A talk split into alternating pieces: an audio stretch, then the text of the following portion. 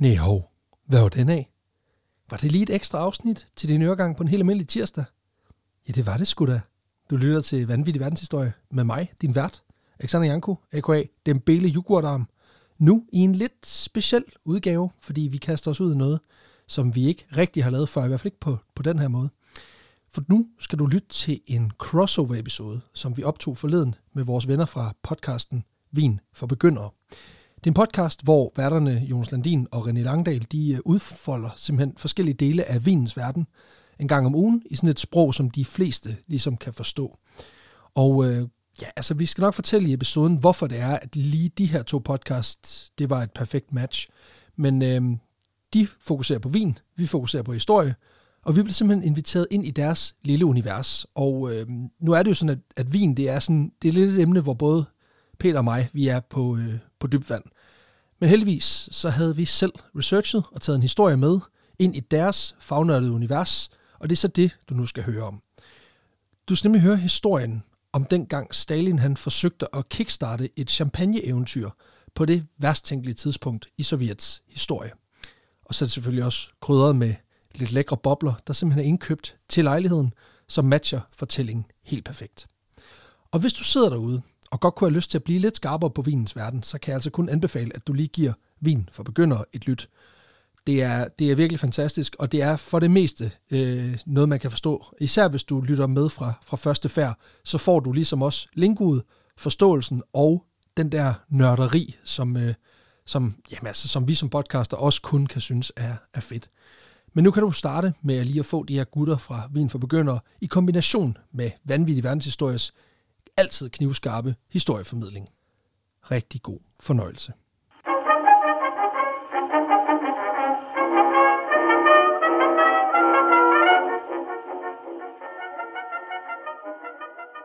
Bare lige så vi er klar over, hvem, hvem siger noget først?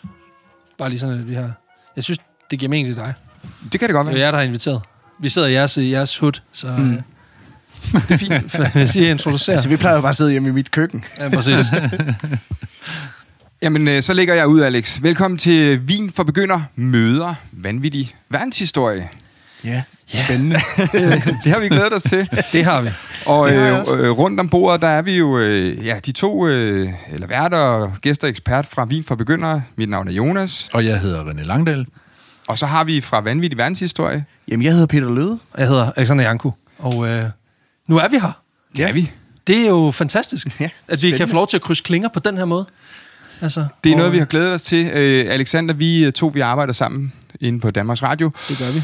Og vi øh, har fået, eller du fik den idé, fordi du stødte på en historie, som er den, det skal handle om i dag. Mm. Øhm, kom til mig og sagde, Jonas, jeg ved, du laver det her med vin og så videre. Jeg har faktisk en historie, det kunne være sjovt måske, hvis vi to kunne mødes og lave et afsnit, eller vi, vi alle fire kunne mødes og lave et afsnit, fordi de kunne smelte godt sammen. Præcis. Og øh, i og med, René er også historieuddannet, så øh, var det jo meget passende, at, øh, at det kunne blive et et godt match, det her, og vi er helt sikre på, forhåbentlig, at... Øh, der hos Vanvittig Verdenshistorie er nogle lyttere, som kunne være interesseret i at høre vin for begyndere, og der hos Vin for begyndere helt sikkert også er nogle lyttere, som øh, er mere historisk interesserede og kunne tænke sig at lytte med over hos jer, hvis I, hvis de ikke kender øh, podcasten. Jeg vil sige det sådan her, at altså lige den her historie, den kommer til at indkapsle ret godt, hvad det er for en type historie, vi kaster os over. Fordi det er virkelig kombinationen af noget super, super nørdet fagligt, som vi får i dag, men også noget altså decideret åndssvag vanvid. uh, så på den måde skal vi nok blive dækket rigtig fint ind i, uh, i begge kategorier. Og jeg kan, jeg kan enormt godt lide, at der er det her mix i, at, at altså vin og vinsmagning og alt det her med at være connoisseur, det er jo meget sådan noget, man associerer med meget sådan, det er meget fin, fine lag, man kommer i. Altså, det er meget højkultur, og så kommer vi ind og laver en podcast, der handler om, at folk de skider alle mulige steder gennem historien, ikke? Så, det, så, så på den måde, så er det en meget fin mix. Præcis. Det, er, det, bliver, det bliver fuldstændig åndssvagt.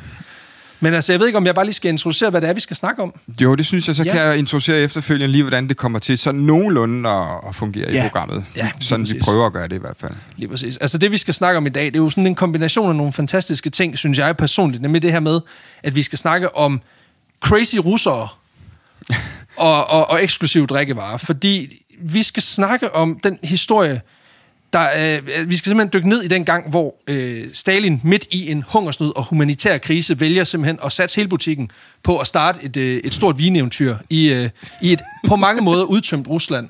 fordi han ligesom vurderede, jeg tror, det er her, det er det, folket har brug for nu, hvor de ikke har spist i 14 dage. Hvad, hvad, med, hvad med nogle bobler? Ja. Det er ikke så meget øh, den der Marie Antoinette, let them eat cake. Det er mere øh, let them drink wine. Præcis. Og det er den, det er den virkelighed, vi er, vi er på vej ind i her. Så det er, det er virkelig fantastisk. Og, og på en eller anden måde kan man sige, han vælger at starte et russisk øh, champagne-eventyr, et champagne-agentur. Det, det virker jo åndssvagt umiddelbart, men, men på sin lidt, lidt mærkelig vis, der giver det virkelig god mening. Og det handler jo også om, at Rusland, som jeg forstår det, egentlig godt kunne have anlæggende, eller Sovjet, kunne godt have anlæggende til at lave noget god vin. Og, og René, jeg ved jo, du er sådan lidt en, okay. en connoisseur i forhold mm. til områder og klima. Mm. Og hvordan ligger Østeuropa egentlig sådan i forhold til vin? Perfekt. Altså på alle måder. Der er ingen tvivl om, at altså, de ligger så godt, at, øh, at, at de har alle grundforudsætningerne for at lave fantastisk vin. Det mange måske øh, ikke ved, eller måske glemmer, altså det er, at, at det gamle Sovjetunionen var faktisk en af verdens allerstørste vinproducenter. Og hvis man tager det lille bitte, bitte land, som jo, kan man sige, mm. er en af resultaterne af Sovjetunionens opløsning, nemlig Moldova, så er det altså stadigvæk øh, på verdens top 15 liste over verdens øh, største vinland. Det er der ikke ret mange, der tænker over. Så altså, de, ja. Øh, de har masser af... De har gode forudsætninger for at lave vin. Okay. Ja, fordi jeg kan nemlig også forstå det noget med, at, at Moldova vist nok har... Er det verdens største vinkælder? Ja. Eller noget af den stil? Ja, og også verdens næststørste. Okay, så... og jeg tror, der, der, der, der, der er nok hverken nogen af jeres eller vores lyttere, der sådan tænker, moldavisk vin, det Nej. er der, det, altså det er der, tingene sker, men det, altså... Det, det, det, det, det tror jeg ikke, der er, altså, og det er egentlig også uforbavsende i, hvor, i forhold til, hvor stor en produktion landet har, altså hvor lidt der egentlig kommer uden for landets grænser. Altså langt, langt det meste Moldova-vin bliver stadigvæk eksporteret til Rusland. Nå, okay, så de drikker det ikke selv? Fordi... Selvom de har, selvom de har været udsat for en handels øh, faktisk øh, embargo fra Ruslands side, som gav Moldova kæmpe store problemer i øvrigt, inden for de sidste, jeg tror det er 4-5 år siden eller sådan noget, så, øh, så er det altså stadigvæk det største eksportmarked for dem. Okay. Ja. Det siger også bare noget om, hvor meget de så må, må, selv må hælde i halsen. Hvis det, det gør de også. Ja, okay. Ja, det, er, det, er, det, er en, øh, det er en vinnation, en ægte, en ægte vinnation. Altså. Men det er vel også noget med i forhold til, hvordan de selv, altså det der med, at det ikke bare er store agenturer, men det også er altså ned på, hvad kan man sige, enkelt gårdmiljø, altså enkelt familie, der selv ja, dyrker. Ja, ja men det, det er det i høj grad, men pro- altså problemet for Moldovas vedkommende er, at, at øh, det er langt de fleste øh, producenter dernede, eller de er så ikke producenter, altså de er egentlig druedyrkere. Mm. De sælger deres druer til større producenter, eller til kæmpe store kooperativer.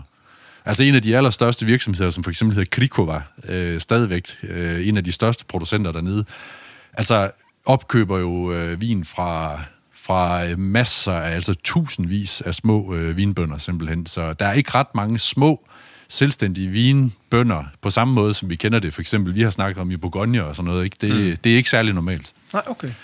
Men nu, sag, nu sagde du så, at Moldova ligger nummer, nummer 15. Ja, jeg tror, faktisk, de, jeg tror faktisk, at de er nummer 11 eller 12, okay. for det ikke skal være løgn. Altså, så, hvor ja. ligger Danmark henne for sådan at for sætte det Åh, oh, ja, ja, men vi er ikke engang på top 100 jo. Åh, oh, okay. Så, så vi er lige så langt fra bunden, som de er langt, langt fra. Ja, ja, ja. Fair nok. ja. men, men den her vin, den der vingrotte, øh, eller kælder i Moldova, det, altså det, er det ikke noget med, den er kæmpestor? Jo. jo. Altså, vi snakker flere hundrede kilometer lang og sådan nogle ting, øh, tror jeg. Altså, den er i hvert fald, nej, den er 55 kilometer lang, kan jeg, kan jeg ligesom, altså, og det siger jo også lidt om, sådan, om størrelsen. Det er noget med, at det kun er den aktive del. Ja, så er der så altså, udbygget et netværk ved siden af. Ikke? Ja, og så er der sandsynligvis nogle dele af den. Så vidt jeg ved, jeg må indrømme, jeg har aldrig været der, men altså, det, det er, så er der nogle dele af den, som øh, er usikre. Okay. Altså, så der bevæger man sig mm. simpelthen ikke ind. Men det er jo en stor turistdestination. Altså, der kører jo små futtog rundt derinde, øh, så, så man kan komme på sådan en tur i, i vinkælderen. Få lov, til, få lov til at sidde i ja, en, en golfkaret og køre ja. 50 km. Det er meget fedt. Altså, man har også prøvet en gang, nogle gange at være ved de der selskaber, hvor så skal det være rigtig fint. Så går han aller ned bagerst i kælderen og finder ja. en flaske vin. Her der er det sådan, nu skal det være rigtig fint. Jeg ja. kravler lige ned under murbrokkerne, der hvor de bliver lidt u- der ind bagved det der øh, gummitape, der sådan siger, du ikke må gå ind, sådan, og så finder jeg den rigtig gode. Eller to dage senere. Ja, jeg skulle sige, du så, prøv, han sagde lige, ville hente en flaske hvid, og så vi har ikke set ham siden. Altså, kommer nu dækket fra i sådan noget aske og... Har fået et langt skæg, og har levet af vin de sidste 14 dage, altså han er helt op at køre. Har fået en ven, der hedder Fredag. Ja, præcis. Ja. præcis. Blevet utrolig gode venner med en volleyball. Men der altså, er virkelig fulde rotter dernede. Ja, ikke så meget mere, for nu har jeg spist, så alt er godt. Men altså, vi skal også snakke lidt om, om, om, om champagne, øh, fordi det er jo ligesom den russiske champagne, som vi skal nørkle i dag. Jeg ved ikke, om det er nu, vi skal, vi skal poppe den første flaske, fordi du har jo taget, du har haft en stor spenderbuks på. Ja, jeg har, ja, ja så, så dyrt er det jo faktisk heller ikke at, at kalde det champagne. Det skal vi faktisk også passe på. Vi må heller kalde det for boblevand, øh, fordi øh, champagne, ja. det hører jo øh, Champagne-regionen til. Øh, men, det, men, men de har i hvert fald forsøgt, kan man sige, at, i, i nogle af deres øh, boblevand her, at få det til at i produktionsmetoden at være det samme, som man gør i champagne. Øh, jeg kan lige, inden jeg popper den, kan jeg jo lige sige, at Alex, du fortæller jo historien. Det gør jeg. Øh, vi følger med undervejs. Mm. Når vi laver vin for begyndere, så er det jo øh, mig, der spørger de dumme spørgsmål, og René, der kommer med de øh, kloge svar. Mm. Og, øh, og sådan gør vi det også, så, så bolden bliver ligesom spillet lidt, lidt hen på den anden side, eller over på, på den ene eller den anden side af bordet, øh, og vi driver den her historie videre med Staling og, og det her vanvid, som han har gang i her. Øhm, men René, du kan, mens jeg åbner den, så kan du lige fortælle, hvordan man åbner sådan en boblevand her. Ja, jamen øh, nu, øh, nu, tager, nu tager Jonas jo så øh, flasken, og så øh, tager han sin øh, hånd og holder om flasken i bunden, og så tager han så den højre hånd og lirker proppen langsomt op, så den sagde fis, uh, måske med en lidt højere lyd, end, uh, end, uh, end godt var. Jeg men, uh, sige, men, skidt, men skidt med det. Ja, jeg kunne, Det er jeg, jeg kunne simpelthen ikke holde på den, men, men Nej. normalt så uh, skal den jo egentlig ikke bare sige knald, men man vil egentlig gerne have, at den bare siger, Ja, ja. Jeg synes allerede, jeg dufter noget, faktisk. det, det kommer, vi hælder det op i glassen her. Forestil mig. Men der er jeg jo, altså, der er jeg jo så, øh, hvad kan man sige, lavkultur med hensyn til vin. At jeg er jo sådan en, jeg køber jo champagne primært, fordi den siger bang. altså på den måde kan man sige, der er vi også bare... Der er det altså, bare et supplement til nytårskrudtet. Ja, præcis. Og vi har jo bare også bevæget os ind i det, altså, et, i, altså i, på fagligt dybt vand her, fordi altså, vi drikker jo også øl i vores, øh, i vores podcast mm. som et fast element, og nørder lidt i forskellige brancher inden for, øh, inden for øllet, i hvert fald forskellige genrer og sådan noget. Men der er vi jo heller ikke super velbevandret, må man jo indrømme, men, men her der er det jo virkelig, jeg ved godt, det er for begyndere, men altså, det Mm. kan godt være, at, at vi skulle lave den podcast, der, for, var for, der gjorde Der folk klar til jer, at lytte til jeres podcast. Hvor man starter med, hvad er vin? Præcis. Ja, ja. Hold op. Altså, øh, jeg kan jo lige nævne, inden vi, øh, inden vi kigger på den og så videre, at det er, den, der står Russian Sparkling Wine since 1870, mm. står der faktisk mm. på den her. Øh, og der står bare, at det er Russian Winehouse. Så hedder den, har du øvet dig på russisk til i dag, René? Uh, altså, nej, det har jeg ikke, uh, men uh, Abrau Durso, vil jeg sige, uh, Durso, eller sådan et eller andet. Uh, Det passer nok meget godt. Ja, ikke? Det er det, jeg har også kunne google mig frem til, at det er how to pronounce. Ja. Præcis, og det er en, øh, ja, den det er en semi-dry, står der. Øhm, så det er det, vi har fået i glassene. Ja. Ja. Spændende. Fordi vi jo netop er i ja, Rusland og Sovjet ja, ja. og så videre. ja. Jeg ved selvfølgelig ikke, om øh, vi skal smage på den nu, eller om vi, vi Jo. bare sådan sætte et ord på det, fordi altså, Vi kan da være, det kan vi da fint. Ja. Ja. Så lad os da, Skal, lad os man, da gøre, skal det. man gøre noget bestemt? Man kan sagtens slynge den rundt, ligesom når du smager almindelig vin. Altså, den mister en lille smule bobler ved det. Det sker okay. der ikke noget ved, men det frigiver stadigvæk en masse aroma at gøre det. Det er ligesom, når man gør det med Coca-Cola. Så det Ja. er også helt flad til sidst. Ja, normalt så plejer vi at tage dem på lugten. Mm. Vi kigger på farven, vi kigger, og så lugter vi, og så smager mm. vi til slut. Og den her, den er meget korngul. øh, det må man ja. sige. Flot øh, i farven.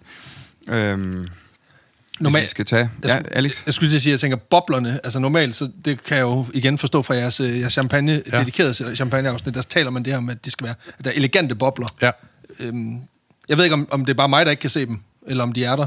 De er der. Altså, der er bobler i min. Ja, men det, der er vigtigt at se på her, det er sådan lidt det er størrelsen.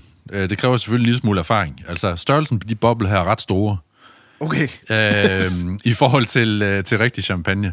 Men igen, det har jo noget med må- måden, den her er lavet på. Ja. Ja. Altså, som ikke er, som champagne er lavet. Øh, Okay. Det er grundlæggende helt, faktisk meget forskelligt fra champagne-metoden, som det her er lavet på. Men meget interessant metode.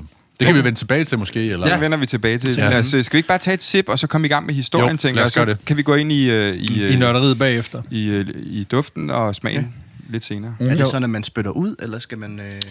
Altså, det må du helt selv om. Okay. Er det ikke, øh, ja, men jeg altså, ved, at der er øh, nogle kredse, hvor man, øh, hvor man er meget sådan... Med... Ja, ja, men det kommer jo an på, hvor meget du skal smage. Jonas og, og, og mig, vi, øh, vi, vi plejer at veksle lidt. Altså, Okay. hvis vi nu får noget i glasset, som simpelthen smager så ustyrligt godt, at vi ikke kan, kan få os til at spytte det ud, så, Så så, det så sluger vi det. Og det er meget godt. Og så er det også alt efter, man er i bil eller på gåben. Ja, Ja, selvfølgelig, selvfølgelig. Nå. Men altså, det er jo egentlig, fordi vi skal snakke om champagne, så tænker jeg, at det kunne være meget rart at få en fagmand til lige at forklare, altså bare lige sådan bevæger... Hvad er, hvad er champagne egentlig for en størrelse? For det tror jeg, der er mange af vores lyttere, der i hvert fald tænker, at hvad, hvad, altså, Ja. ja. hvad definerer det, og hvad er ligesom...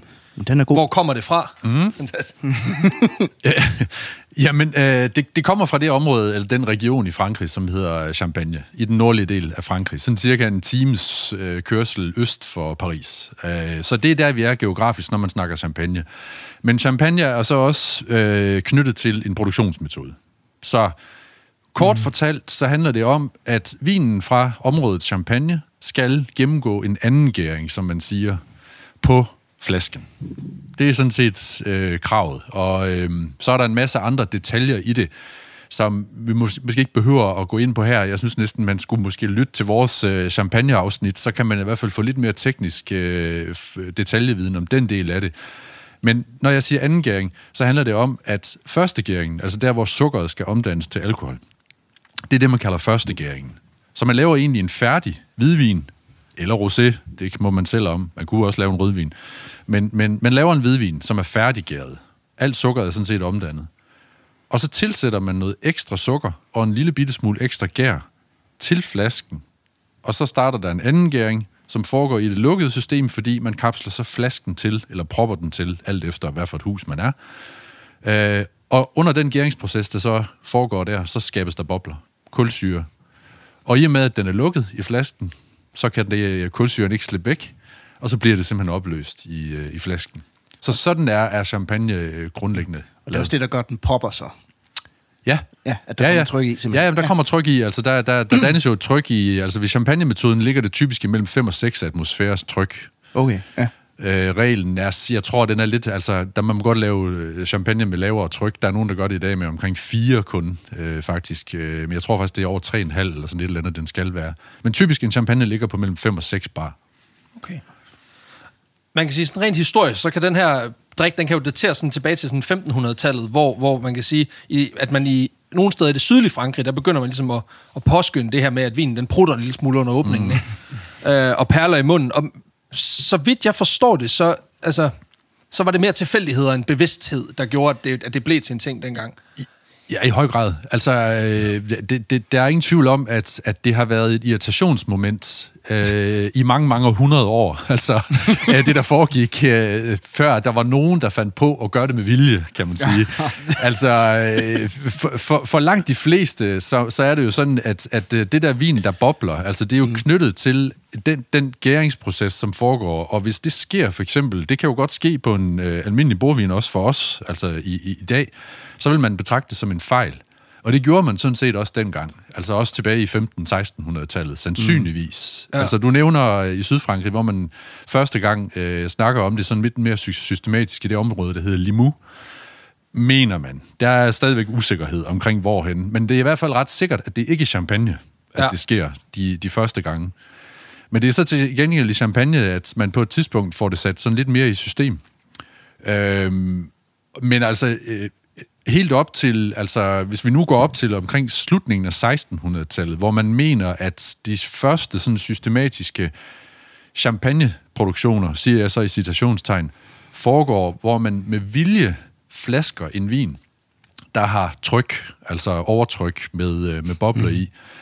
Der handler det simpelthen om, at øh, det er på det tidspunkt her, man får mulighed for at øh, øh, lave det så stabilt og så sikkert, øh, fordi man har bedre glaskvalitet. Fordi det, man skal tænke på, det er, at hvis man er på et tidspunkt, hvor ens glasblæster, glasblæser evner ikke er specielt gode, Ja, men det var det ikke på det her tidspunkt. Øh, det er ret ustabilt glasset. Det er ikke særlig holdbart, sådan set. Så hvis I skal, I skal forestille jer altså et tryk på bare 3 bar eller 4 bar, det- og så 5-6 bar, jamen det får simpelthen flaskerne til at eksplodere. Så det du siger, det er, at man startede ind med at være sådan en rimelig ustabil granatproducent, Fuldstændig. og så går man så over til ja, ja, men altså, der er masser af eksempler på ulykker i kælderen. Altså, folk er kommet øh, alvorligt til skade, simpelthen, øh, fordi flaskerne eksploderer, ikke? Det er den originale Molotov-cocktail. Fuldstændig. Ja. øh, men, men, men britterne der i slutningen af 1600-tallet, de har så fundet en, øh, en opskrift på glas, øh, som gør, at godstykkelsen simpelthen kan laves tykkere, og så får man mere stabile flasker. Så, så, øh, så man kan sige, uanset hvad franskmændene siger, så er der ingen tvivl om, at champagnes sådan afgørende store break, det er faktisk britternes skyld, øh, det sker egentlig. Øh, det er det, man Det nok nødt det til at får, sige. det får du aldrig franskmænd Nej, det får man aldrig franskmændene til at indrømme. Det, der er store dele af, af Champagnes historie, som faktisk involverer britterne. Så, øh, Det er noget så, rigtig møg, det der. Ja, ja.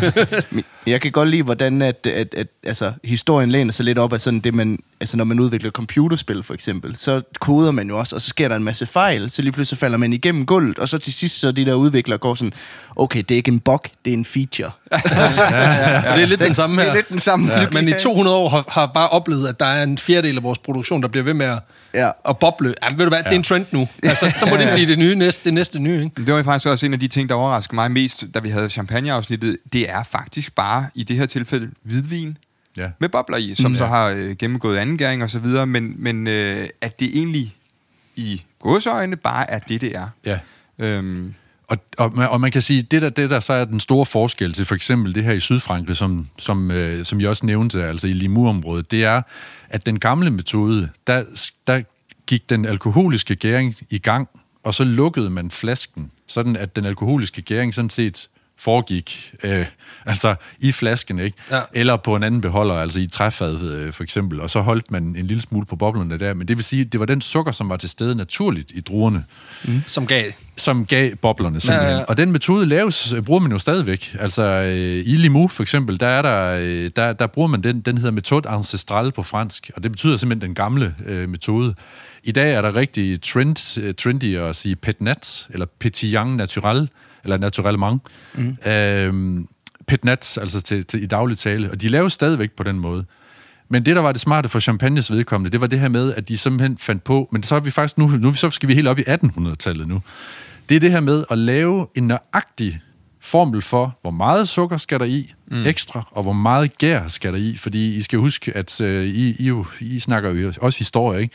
Altså, der var ingen, der anede, hvad der, hvad der foregik under en gæringsproces indtil slutningen, eller anden halvdel af 1800-tallet, hvor Louis Pasteur finder ud af, at... Hov. at øh, Der er ting hernede, der... Ja, at, at De der skulle foregår levende. noget, ikke? Øh, og, og, og så finder man simpelthen ud af, jamen altså, hvis vi nu gør det sådan, at vi tilsætter lige nøjagtigt den sukkermængde, og lige nøjagtigt den gærmængde her ekstra, så har vi styr på, hvor meget tryk, der kommer i de her 5-6 bar. Det må også have været vildt. Slut. Altså, Altså, og der så har, man, så har man styr på det, ikke så? Mm. Men- ja. Men det siger jo også bare noget om det. Altså nu fandt jeg, et, et, øh, da jeg læste op på det her, fandt jeg også ud af, at man øh, tilbage i 1500-tallet, der, var, der blev det her vin, altså de her flasker med tryk i, det blev kaldt for, øh, altså, øh, Le Vin du Diable, altså ja. Djævelens vin. Ja. Mm. Fordi der var en fandskal nede i flasken, når du Ja, åbnede ja. den. Ikke? Altså, mm. igen, lidt øh, eller i dag, hvor man siger, hvis der er en øl, der bruges over, så er det en han, ikke? Altså, Jo. hvor man simpelthen bare har sagt, okay, men det var så må være satan, der er dernede, fordi Ja. normalt, så, så er det jo bare, så siger den jo ikke noget, men nu, jamen, så må djævlen jo være dernede. Ja, for man vidste jo ikke, hvad der foregik. Altså det- de her, øh, det er klart, at vi er i en periode, hvor alt, øh, der ikke kunne forklares, det blev relateret Ja, til ja. et eller andet religiøst, ikke? Så, øh, Om, altså, den, Ja. har vi, den leger vi jo tit i vores podcast. altså, er vi det videnskab eller satan? Ja, ja, ja. altså, en meget klassisk ja, Ja, og det, leg start, og det er som regel 1600-tallet. sådan, det starter med at være satan, indtil, hov, Det var det så ikke. det var science. Ja, præcis. Ja, vi snakker også om, tror jeg, i vores afsnit, om, om, om det er en satan, der går i en, hvis man drikker for meget champagne, fordi jeg har ja. En teori om, at man bliver faktisk mere fuld af champagne. Mm. Måske de lidt mere frisk. ting, ja, men det er boblerne, sådan, det er der så egentlig ikke rigtig noget hold i. der er men- ikke noget medicinsk hold i. Men, øh, men man kan sige, det er jo, det er jo forbundet med festlighed. Mm. Og Peter, du sagde jo også pop og juhu og Ja, nytår og så videre. Så, så det er jo fordi, man måske er i fest i dag, at man er feststemt og så videre, at, at, man, øh, at man fornemmer, når man drikker champagne, jamen så er man i godt humør og måske ekstra godt humør. Man kan og også sige, man drikker den jo også sådan der omkring kl. 12, hvor man som regel topper Ja. ja. i sit brænder, hvis man nu er i gang, ikke? Så, øh, Men det var jo måske netop også pointen for Stalins vedkommende. Ja. Årsagen til, at han valgte at satse på det eventyr, fordi det kunne vække lidt glæde i en befolkning, der ellers var rimelig hårdt kørt. Ja, lige præcis. Ja. Lige præcis. Og man kan sige, det der jo så, altså det her produkt, altså champagne, det er jo også, det er jo også noget, som op igennem der 18, og 1800-tallet, starten af 1900-tallet, der prøver de her fabrikanter jo også ligesom at, at vinkle produktionen hen imod noget, noget, hvad kan man sige, noget, noget adeligt og noget eksklusivt. ikke? Klart. Mm. Ja. Altså, og det er jo også det, man ligesom...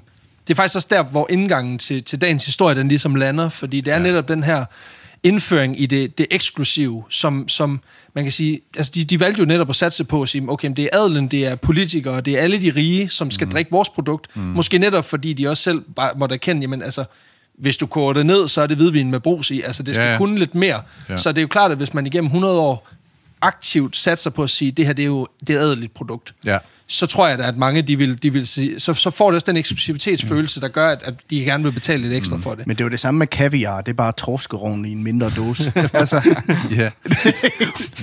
jo. Jeg tror, der er et par stykker nede ved, omkring det Kaspiske hav, som vil være uenige med dig, men altså, lad nu det ligge et øjeblik. Øhm, grunden til, at vi skal til Rusland, det, det er faktisk noget, der sker her i, formentlig i starten af 1800-tallet, hvor vi har den her, en af de ret store champagneskaber, en, en, en kvinde, der hedder Nicole øh, Poissondon, som er, nu ødelægger jeg den franske udtale, man kan godt nok ikke høre, jeg har haft fransk syv år i, i, det. folkeskole og gymnasium. Det går alligevel. Det er hende, der, har, der er en af de skabende kræfter bag det mærke, der hedder Veuve Clicquot, mm. øh, på, på, oversat på groft dansk, den gule enke. Øh, men hun sender simpelthen 20.000 flasker til Sarriget øh, i starten af 1800-tallet. Jeg tror, det er 1812. Og det får ligesom også åbnet deres øjne for den her eksklusiv drik. Øh, også fordi man kan sige, at det russiske sardømme minder jo på mange måder om det, det monarki, vi har i det centrale Europa. Øh, I hvert fald i forhold til det her med, at de ser sig selv lidt højere end resten af samfundet, og, og nyder godt af at være øh, en del af, den, af, af hvad kan man sige, samfundets øh, kransekage-top. Øh, og der passer det jo fantastisk med, at man også får noget at drikke, som ingen andre har råd til. Mm. Mm. Det betyder også, at populariteten den stikker af, og det bliver hurtigt forbundet med fejringer og store fester. Øh, blandt andet så champagnehuset Louis Roederer, Rodrea. Roederer undskyld, øhm, hans altså normalt i vores podcast, så, så roder vi rundt i det der med udtale, og Ja. vi har egentlig valgt sådan, at Roederer. Nå, vi udtaler det, som vi har lyst, og nu sidder der bare en derovre. der rent faktisk ved det. Perfekt. Og det er, det er super. Det er Ej, helt perfekt. Altså, vi, vi har også lavet nogle fejl. Ja, det kan øh, man her, sige. så Jo, jo, det, øh, Det, det, skal der være plads til. Og jeg skulle lige sige, hvis der er nogen af jeres lyttere, der, der kan komme efter os i stedet for, så er det så fint. Altså, det, det, det bare at tage brøden af det. Vi, er- vi er vant til at få, få hak på den konto, så alt er godt. Men, men faktisk så, Louis Roederers, noget af hans fineste champagne, bliver faktisk skabt direkte på ønske fra, fra den russiske zar Alexander den anden. Mm. Øhm, både fordi manden var vild med smagen af, af, af den her producent, og i forvejen importeret, jeg mener, det er cirka en tredjedel af alt, hans, øh, alt det produ- øh, vin, ja. han producerede. Men angiveligt, det var en lidt skør historie, jeg fandt også, at, at han angiveligt var bange for at blive snigmyrdet. Det er nemlig fuldstændig rigtigt. og, og, der har du, og der har du fat i en ret sjov pointe der, fordi altså, de udviklede jo, hos Louis Roederer udviklede de den champagne, som hed, kom til at hedde, Cristal. Øh, og i starten, mm. faktisk helt op til midten af 1940'erne, så var øh, den her champagne udelukkende fremstillet til det russiske marked, altså til det russiske... Øh, øh, og, og, og i øvrigt indtil, at det, altså, der, der så ikke var sardømme med i, i 1917, øh, så efterfølgende, så holdt man den in-house, altså i, i, hos Louis, Roederer. Men, men jeg synes, der er en sjov kringle på det der, ikke? Fordi at øh, den champagne, som de udvikler til, øh, til Alexander den anden, den udvikler de jo, fordi han, som du siger, netop var bange for at blive snigmørtet. Og det, der er specielt for den her flaske kristal, det er, at den for det første er klar i modsætning til alle andre Som er øh, grønlige. som er grønlige eller gullige, mm. altså øh, af, af, både af, sådan af, af glastekniske årsager, men også fordi det, det holder lyset ude. Øh, men han forlangte, at den skulle være glasklar. Mm. Fordi så kunne han jo i hvert fald se, hvis der var snydt med den, eller tilsat et eller andet, som ikke skulle være i den. Det andet, det er så, at han ville gerne, at den skulle være fladbundet. fordi der måtte ikke være nogen dimple, som det hed, altså en fordybning op i bunden, fordi der kunne skjule sig en springladning under. Så hvis der er nogen, der vil lave en granat, mm. Så kunne de lægge den derunder. Så det er en platfodet flaske. Men det paradoxale er jo, som I måske også ved, hvordan tror I, Alexander den anden, han kommer af? Ja, ja. Han blev snigmyrdet ved en eksplosion, faktisk. Øh, Det var godt nok ikke en champagneflaske, men, men dog altså et, et, et, et, et, et granatangreb. øh, det værste, er jo, det værste er jo, at man, Så- kan jo, man kan jo spekulere i det faktum, at manden han har, han har været, måske ikke været åben omkring, at det er derfor, han gerne vil have den i den flaske, men der er måske en, der har vil ham til livs. Ja. som har tænkt, hvorfor vil han have den der flaske? Jamen, det er, fordi han er bange for, at der er nogen, der putter en granat i. Ja. Granat, sgu da. Det er sådan, vi skal gøre Det er da det. sådan, vi kommer af med ham. Men jeg tænker også, hvis man skulle aflive ham med champagneflasker, så skulle du bare få det der tynde glas, Ja, så den det er rigtigt. eksploderer i Ja, det stedet. er rigtigt. Jamen, det er selvfølgelig rigtigt. En, en sending af dårlige, af, af dårlige flasker.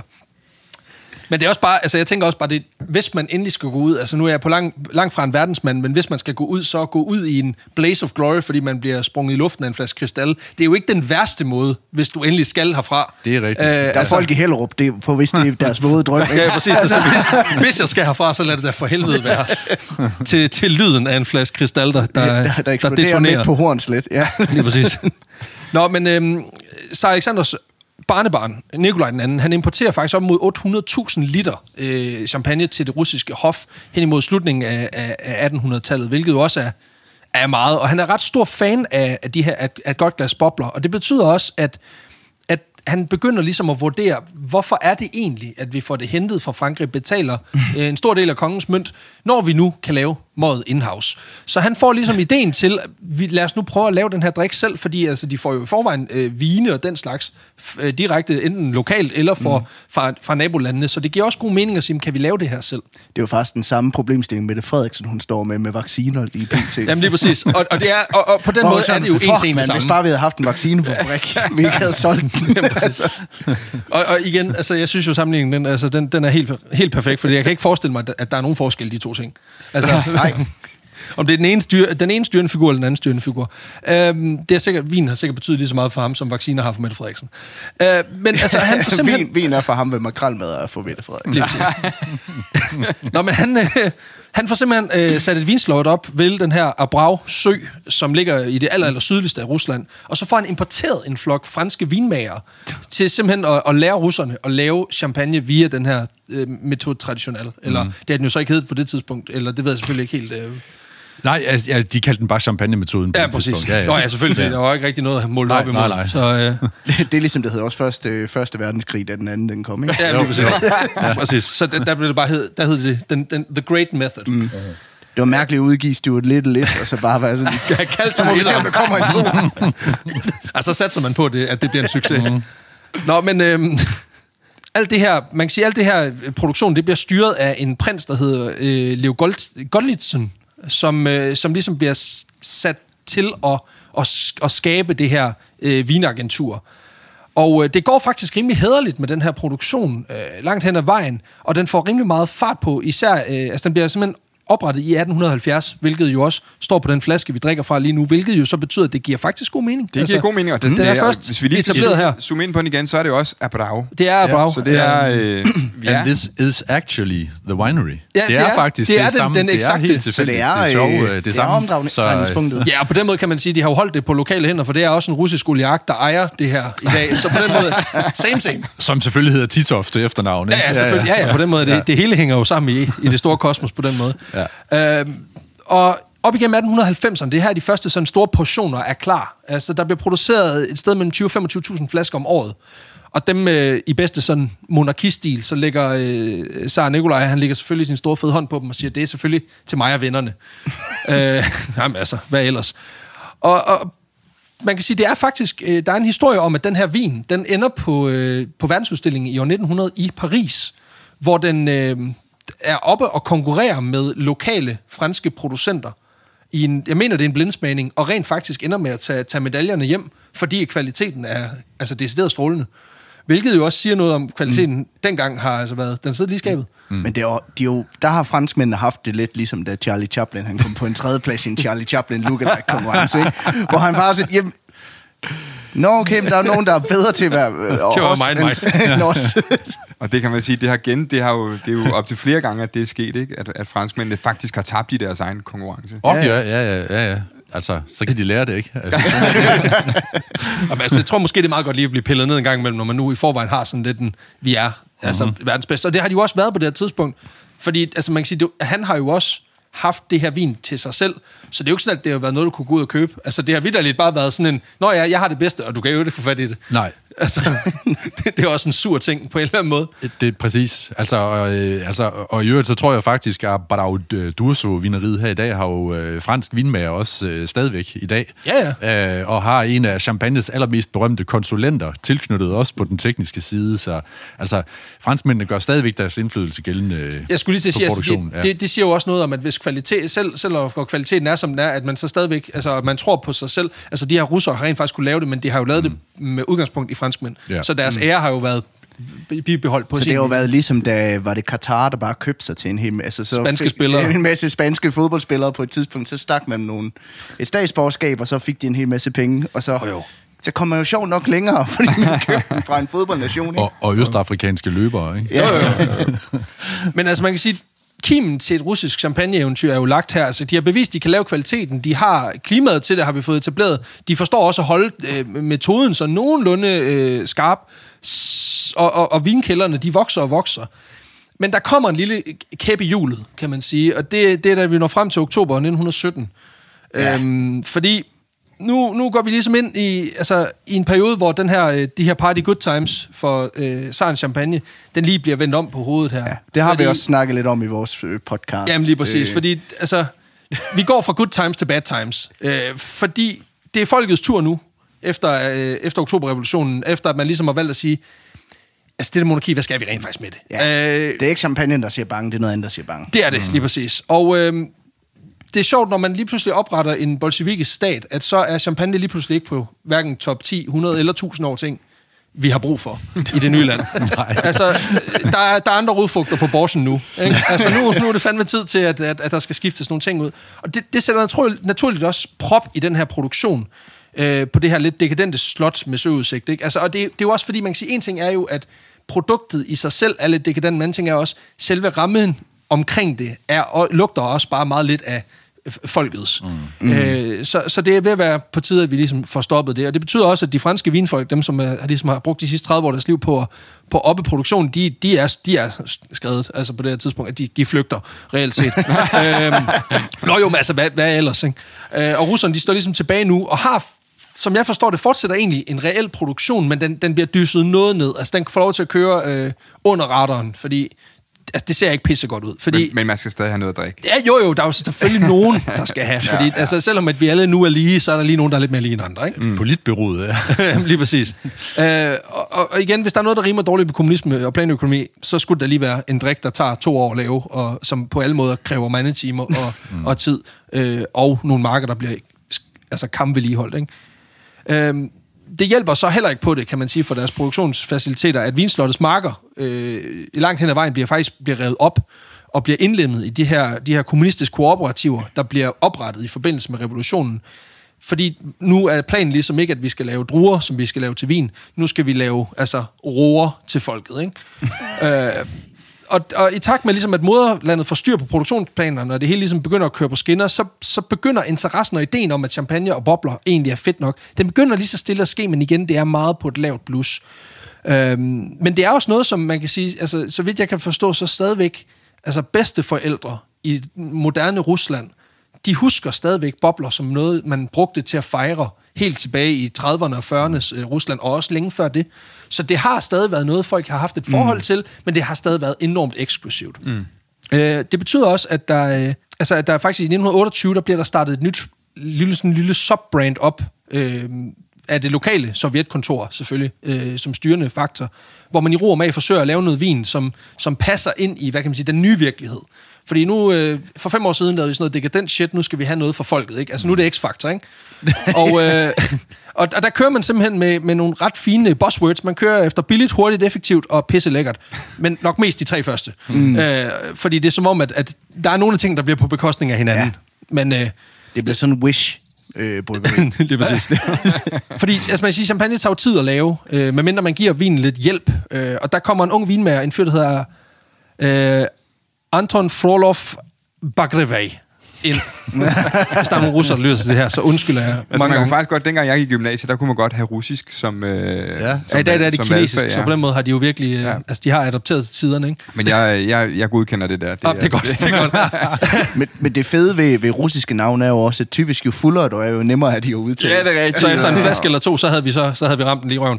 øhm, han er faktisk han er faktisk med til at, at starte det her vinprojekt op tilbage i 1870, og er, øh, og er faktisk også med til at, og hvad kan man sige, han er lige ved at blive dræbt i, i borgerkrigen øh, efter revolutionen i, i 1917, fordi at der er nogen, der rent faktisk kommer og forsøger at rippe vinslottet.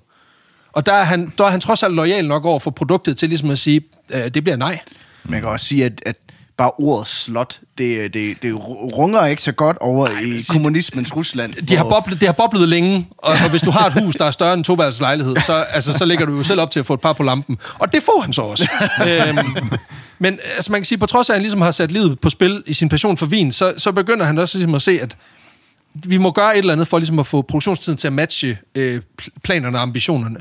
Og derfor opfinder han en ny metode, noget med noget tryktanker og noget. Det ved jeg ikke, om du måske kan gøre os lidt klogere på. Jo, det, det kan jeg sagtens. Altså, øh, nu kan du se, altså den, vi har fået skænket her, der står der mm. jo Russian Sparkling Wine på. De skriver, ikke, en- altså, de skriver ikke den traditionelle metode. Og det er fordi, den her vin er faktisk lavet med den øh, metode, som Frolov øh, Bagrajev, øh, han, øh, han lavede, eller fandt på. Øh, og det er en, en, en, en, på mange måder en, altså det er en, det er en nem måde, men teknisk set en utrolig kompleks måde, og, og, og nogle gange så kan man undre sig over de der russiske til, eller sovjetiske tiltag, altså fordi, hvorfor så mange svingæringer for at, at lave øh, noget, som egentlig ikke behøver at være så komplekst. Men kort fortalt, det handler om... Typisk russerne. at, at, som I siger, flaskegæringen og den her tid, som, øh, som, som øh, champagne skal ligge med gæren, det har der også regler for. Altså, det er minimum halvandet år, de skal ligge med gæren. Og grund til, at de skal det, det er, fordi der bygges smag op på den måde. Altså gærcellerne giver smag? Gærcellerne giver simpelthen, når de nedbrydes, øh, så giver de smag til vinen. De giver smagsdybde. Og det er jo det, der tager for lang tid, når man skal tænke effektivt. Og så gik han i og grundet over, hvordan kan vi gøre det her på en smart måde. Og han tog så alle bestanddelene i champagne, den langsomme champagne-metode, som er træ, altså tilstedeværelsen af træ, det vil sige fade jo normalt, ikke? Ja. Øhm, og nu siger jeg træ i citationstegn her. Nå, okay. Øh, og så gern. Og så fandt på, han på den her måde, at hvis vi nu simpelthen booster den her vin med dobbelt op eller 10 dobbelt effekt på de her to øh, bestanddele, så, så kunne træ. det faktisk godt give et resultat, der sådan smagte lidt henad. ja. ja så, okay. så, så det, det, de så gør, det er, det, den her teknik, den her måde, den handler om, man har fem tanke ja. efter hinanden. Metoden kaldes også for den kontinuerlige metode. Der er nogen, der også kalder det for den accelererede Chamat-metode, fordi hvis I kender sådan noget som Prosecco fra Italien, for eksempel, det er ja. lavet med den metode, der hedder Chamat, hvor trykket i øh, champagnen, eller undskyld, det må jeg jo ikke sige, I vinen. undskyld, i vinen, og i de museerne vin, kommer ved, at man laver angæring på en stor tank, og det er jo meget mere effektivt, ja, ja. i stedet for at gøre det på en flaske. Ja, for den skal jo vinde, så der skal Ja, ja, lige præcis. Så, så, men her, der gør han så det her. De her fem tanke, de kobles, forbindes med hinanden, så gør man det i den første tank. Der propper man simpelthen vinen ind, og så tilsætter mm. man gær og sukker. Øh, men tankene bliver holdt under et tryk allerede, faktisk ved 5 atmosfæres tryk fra starten af. Så det vil sige, at det er ikke bare en tank, de kommer ind i. Så det er de en færdig altså vinflaske. Ja, der er simpelthen tryk på, ja. også? Overtryk, kan man sige. Trykkoger. Og det, der så er problematikken, det er, at gærceller kan ikke arbejde ved høje tryk. Så man er simpelthen nødt til, i den første tank, hvor gæringen den mm. kører, der skal man tilsætte gær kontinuerligt. Så man tilsætter simpelthen nyt gær hele tiden, fordi gæren den dør sådan set. Altså Men der foregår, ja, som, og, og også for at give gæringen simpelthen. Mm. Så gør man det, at når det så er sket længe nok, og det er så nogle dage, ikke også, fordi det her kan jo mm. gøres på 14 dage eller 3 ja. uger faktisk, i de effektive metoder, ikke? så går det ind i næste tank, og det er faktisk de to næste tanke. Det er så tanke, hvor der ligger træsbåner inde i altså tanken. flis? Flis, faktisk, okay. for at sige det rent ud. Så, og den her træflis, den afgiver smag, så du får egetræssmagen, som du ville have fået i en fin champagne, der har ligget på egetræs øh, og alt det her, ikke? Øh, på en lidt mere voldsom måde, kan man sige. Og det andet smarte, det er, at når gær, der arbejder, det kommer ind i sådan en tank, så kan I, I skal forestille jer, at, at, at mange spåner giver en enorm stor overflade. Ja, det er ja. simpelthen det, det handler om. Og gæren søger simpelthen ned, det, det hæfter I på, det, på den her overflade, som er, består af spåner, ikke også? Og så det vil sige, at under de her 5 atmosfæres tryk, der ligger det simpelthen med træ, spåner og gær, og trækker masser af smag øh, på meget, meget kort tid simpelthen. Og så de sidste to tanke, der handler det simpelthen om at få gjort vinen ren så, den, ja. så man kan se på den. Så det ikke er mudder? ja, så det ikke er noget grams, så altså simpelthen noget snask. Ikke også? Så, så det, de næste to, det er simpelthen ren klaringstanke. Så de bliver så det stadigvæk under tryk, så går det ind i næste tank, der sidder det så bundfælder, og i den næste tank mm. igen, der bundfælder det så igen. Og ud af det får du så en museerne vin, som den vi har i glasset her faktisk, som er klar, som har en lille smule træsmag, øh, og som faktisk også smager en del af gær. Ja. Det, det, nu, nu, nu ved jeg ikke, hvad jeg er jo, men, øh, men, men, men Jonas har prøvet at smage rigtig champagne. Ja. Det smager ikke af gær overhovedet. Nej, det har sådan nogle sådan brød toastak Ja, det er meget mere komplekst, mm. men det her smager jo af gær. Ja. Jo, altså, prøv at smage efter. Og trænoterne i en, i en rigtig champagne er jo også med en helt anden karakter, end, end ja. den, vi sidder med her. Så ja. skal, vi, skal vi ikke lige prøve jo, jo, at gøre det, sådan, kan vi ikke lege lidt? som vi jo. plejer her? Ikke? Ja. Vi plejer at kigge på den, det har vi lige fortalt i starten af udsendelsen. Den er strågul, mm. øh, holder faktisk ret meget, øh, ret meget, øh, ret meget farve. Mm. Øhm, og når vi slynger den og, øh, og lugter til den, så er det meget tydeligt, øh, at øh, ja, den dufter selvfølgelig af en hvidvin. Ja. Øh, en champagne, eller hvad man, som man kender dem. Men det er meget tydeligt, at den også har øh, flis, du, altså træduften. Ja. Mm. Den er øh, meget mere gennemtrængende, ja. end jeg har øh, duftet i en sparkling wine ja. før. Ja. Øhm, og så kan man også godt dufte noget sødme. Ja. Ja. Selvom vi snakker tit om, at øh, kan, man, kan man egentlig lugte sødt, mm. eller er det kun noget, man smager? Men det, øh, det, det bilder jeg mig ind, at det kan man sagtens mm. lugte. Jamen, jeg tror, der er sådan en fornem... Det er mere en forventningsfølelse, Det er tror klart, jeg. altså. men den er koblet til din erfaring, så jo, selvfølgelig kan du snakke om det, at du godt kan lugte noget, der er sødt. Ja. Præcis, og så kan vi, øh, så kan vi lugte noget, noget syre også, altså noget mm. surt. Mm. Men, men, men det, der er tydeligt i den her, ikke, det er, at det dufter først og fremmest af frugt. Det har slet, slet, slet ikke den der ekstra lag nummer 2, 3, 10 og 17 og 25, som en champagne har, fordi den under den her fremstillingsproces, øh, den gennemgår, opbygger de her det er umami-smag, altså, mm. som er sådan en altså smagsdybde, ikke? Som sådan en vin, der er speedet op i processen her, aldrig nogensinde ville mm. kunne komme i nærheden af. Så. Jeg får helt klart sådan noget, netop sådan noget, altså jeg ved ikke, jeg får sådan noget sådan ferskenagtigt nærmest, sådan Ja. helt, Ja, bare men kør meget på. sådan løs øh, fornemmelse, men, men, men igen, meget det ene. Ja, ja. Ja, ja og- Næsten sådan druemost-agtigt. Ja, ikke? jeg tænker sådan, ja. altså sådan en, den, den, sådan den grønne drue. Ja. Og så noget, jeg jo har lært i, i forbindelse med at lave vin for begynder, det er jo det her med, at der, man skal jo bare fortælle, hvad man dufter. Mm. Øh, og så lærer man selvfølgelig undervejs, når det der, det er faktisk en træduft af det her, men når du siger øh, fersken for eksempel, ikke? Ja. Øh, så er det helt sikkert, det, er de, det, er, det er de gule, Ja, ja, orange modne frugter, ikke appelsin, men, men de der sådan lidt mere eksotiske sten- passionsfrugt, stenfrugter og stenfrugt, Ja. ja. Netop, ja. Jeg først skulle lige til at sige, at den duftede lidt af, eller smagte lidt af blomme på en eller anden måde. Ja, sådan men, meget, øh, en, en lys blomme. Ja, men gul blo- blomme, ikke? Ja, også sådan ja, sådan mirabelle, måske. ja. Ja, mirabelle, Ja, ja, ja, ja. Lige præcis. Men jeg synes, det der med, nu siger I det der med, at den har noget, noget klart duft af træ, altså det er nok min reference for træ, det er sådan noget, det er sådan noget, altså fransk E, sådan noget margot-agtigt, hvor, sådan, Ja, ja. sådan noget, hvor den har den der sådan, sådan snærpende syre. Ja. Det synes jeg ikke, jeg fornemmer på samme måde. Nej, men det er jo så fordi, at her i er der jo så... Øh, den det fordi, jo det er lavet... bare flis. Ja, men nej, ja, men det, To Big det er bare re- ren det, er, det er mere fordi, den er, lavet, den er jo lavet med enormt meget sukkertilsætning mm. efterfølgende. Fordi den her har jo så fået det, der hedder dosage. Ja. Så altså, man justerer den op i, øh, i sukkergrad, ikke for at undgå den her sådan lidt ellers ja. sandsynligvis meget sure øh, udtryk, som, øh, som den type vin her, de normalt ville få, hvis ikke de havde restsukkeret. Altså, det her, det, er jo, det har jo betydeligt højere restsukker end... Skulle de sige, det er meget sødt, er det ikke det? Jo, det er det. Og det er faktisk også sødere end de, end de typisk de, de sødeste champagner, fordi ja. normalt så laver man ikke champagne mere end det, der hedder dømisæk. Øhm, og der er vi oppe på omkring 20-25 grams øh, restsukker. Måske lidt mere. Men, men øh, der er mere i det her.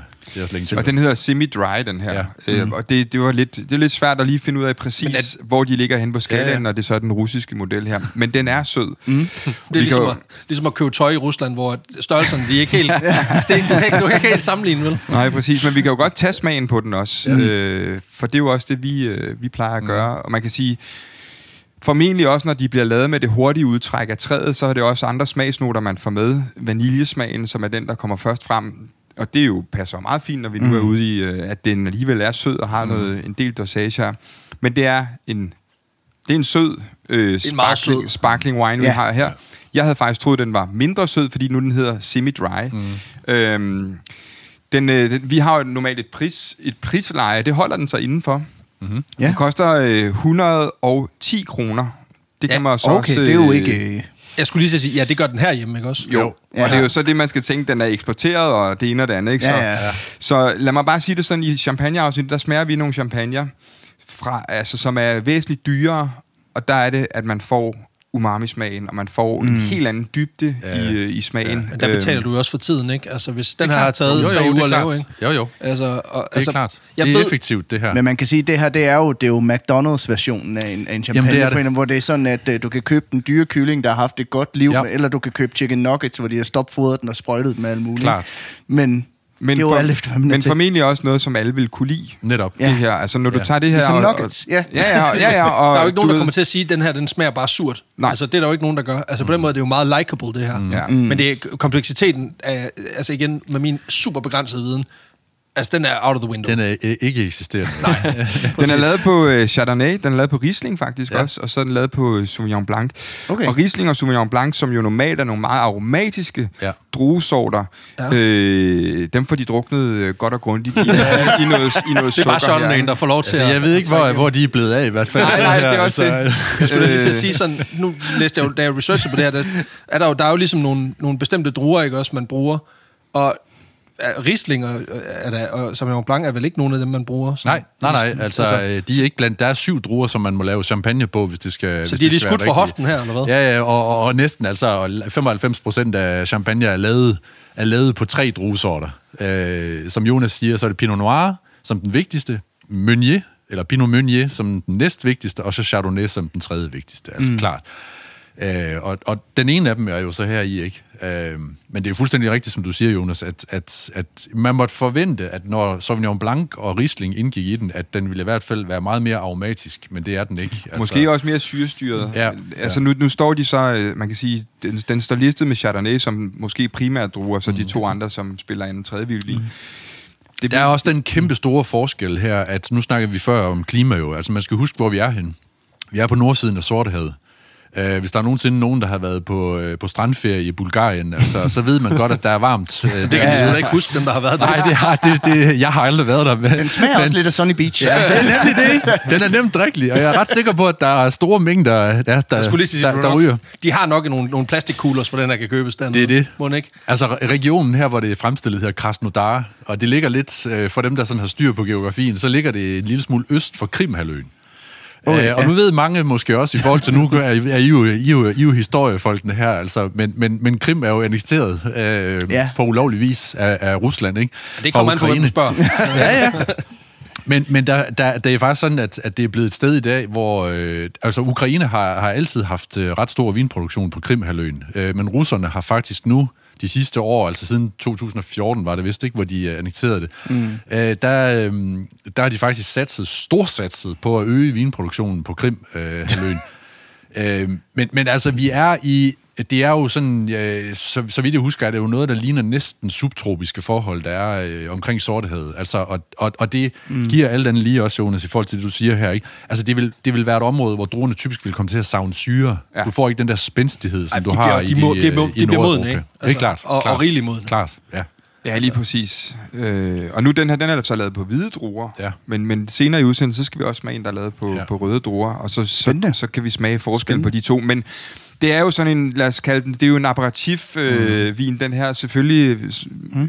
jeg tror ikke, at den vil gøre nogen fortræd. Nej. Alle, alle vil kunne lide den, og, og, ja. Og kunne sige skål og Happy New Year, mm. eller hvad man nu gør. Den kunne måske endda også gå til noget lige før, den kunne gå til nogle desserter. Ja. Ikke, ikke, ikke sukkerholdige desserter, men måske øh, ost og, ja, ja. og, og, og, som, noget. og som starter, eller ja, altså som aperitif, eller, eller, eller terrasse-ting, øh, klart. Jeg skulle lige sige, den Altså, skal helst ikke have for meget af sådan noget let skalddyr og sådan noget, for der, der drukner den. Jamen, det er klart. Altså. Altså. Men, men jeg kommer bare lige til at tænke på også tilbage til, øh, til udgangspunktet. Altså, der Bagreje fandt, fandt på at lave den her. Der er ingen tvivl om, at den metode, altså de vine, som de fik frem, frem der i 20'erne, øh, det, det, er, det var en betydelig ringere kvalitet, end det her er. Altså det her, det er teknisk set helt i orden. Det er jo en ren vin. Der er mm. ingen fejl eller nogen fa- off-aromaer på den eller noget.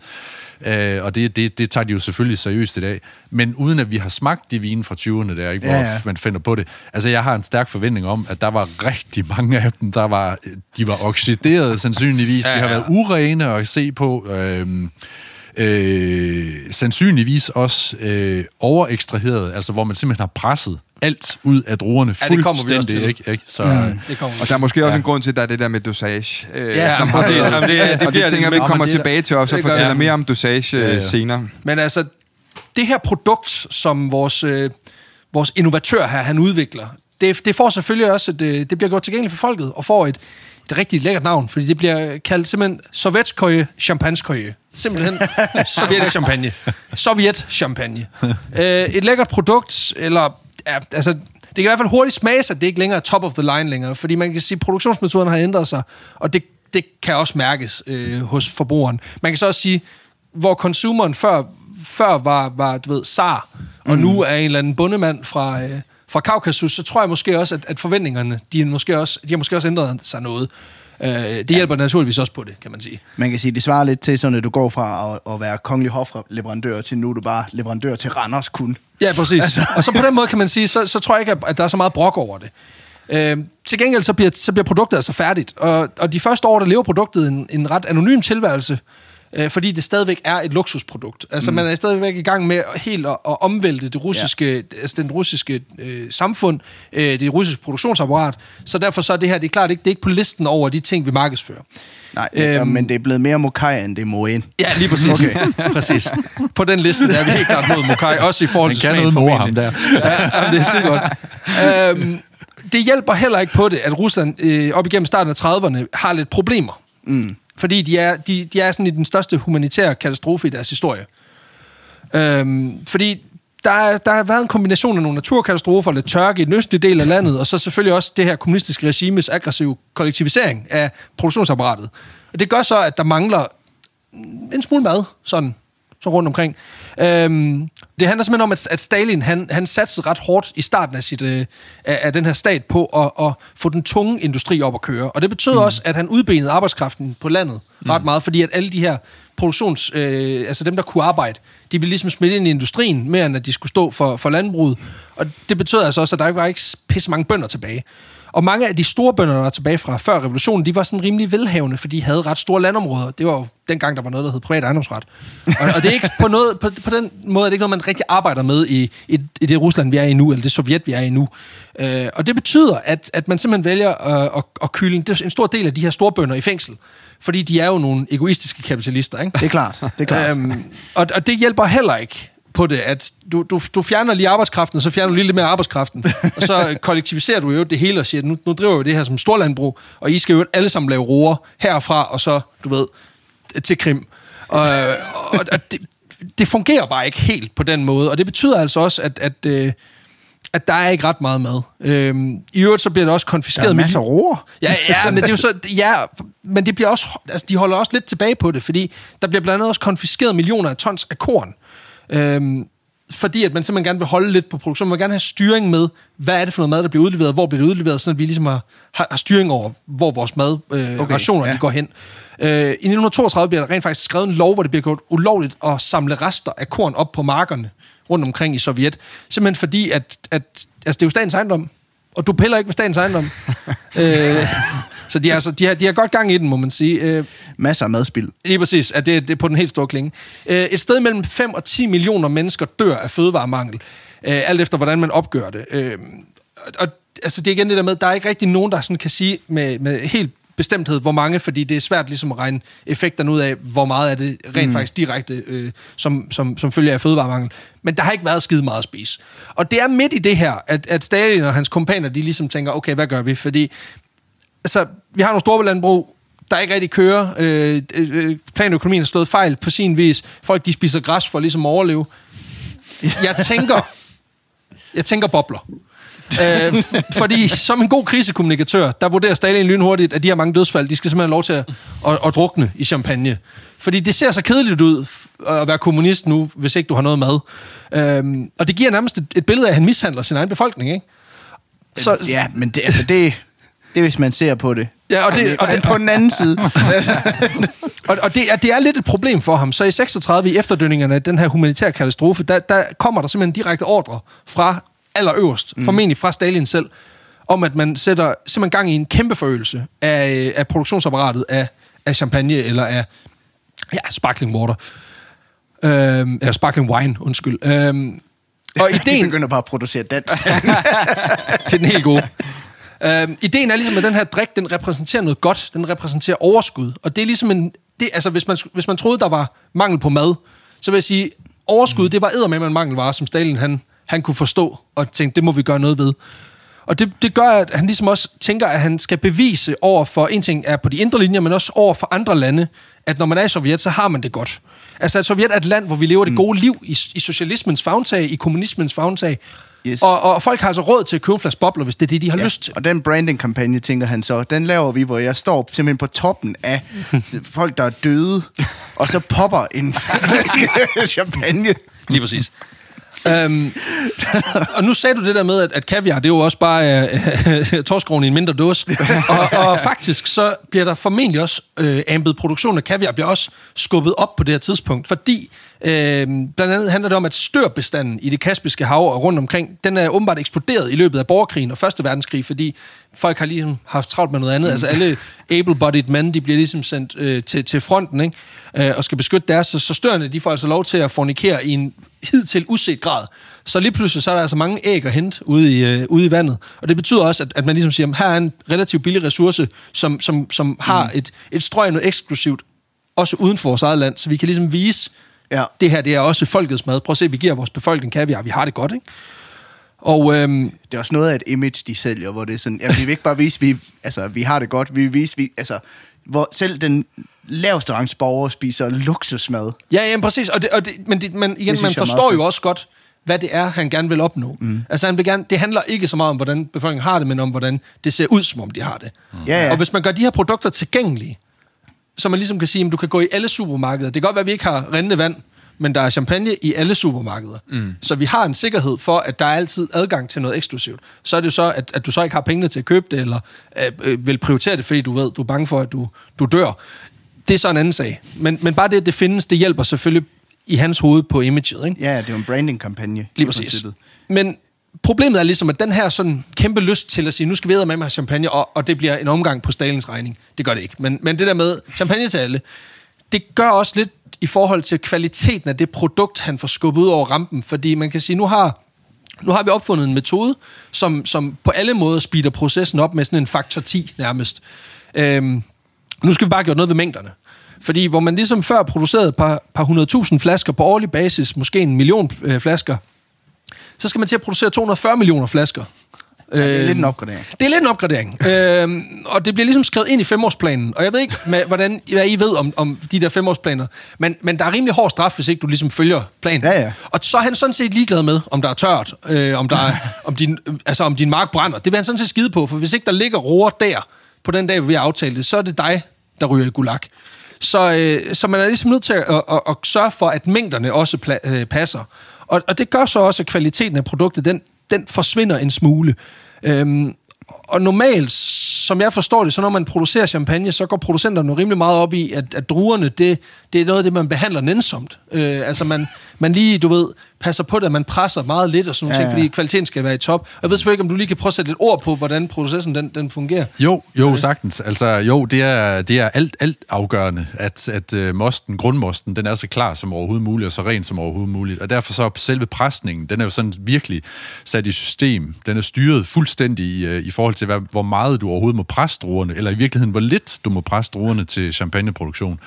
Og det er simpelthen fordi, man er så fokuseret på den her grundmosts renhed. Man vil for alt i verden undgå at have det, der hedder fenoler med, altså bitterstoffer eller tannin for eksempel fra drueskallerne mm. eller fra kernerne. Så derfor så laver man et blidt pres øh, og får en fuldstændig klar most ud af det. Og det vil næsten altid være sådan, at når man så har presset første gang, så lader man sin, typisk i champagne, så bruger man det, der hedder en, øh, en kurvepres eller en vertikal pres. I skal forestille jer sådan en traditionel sådan en skrue, der bliver Ligesom kørt. når man laver æblemost. Præcis, når du kører sådan en presse ned, der Ja. simpelthen maser tingene, ikke?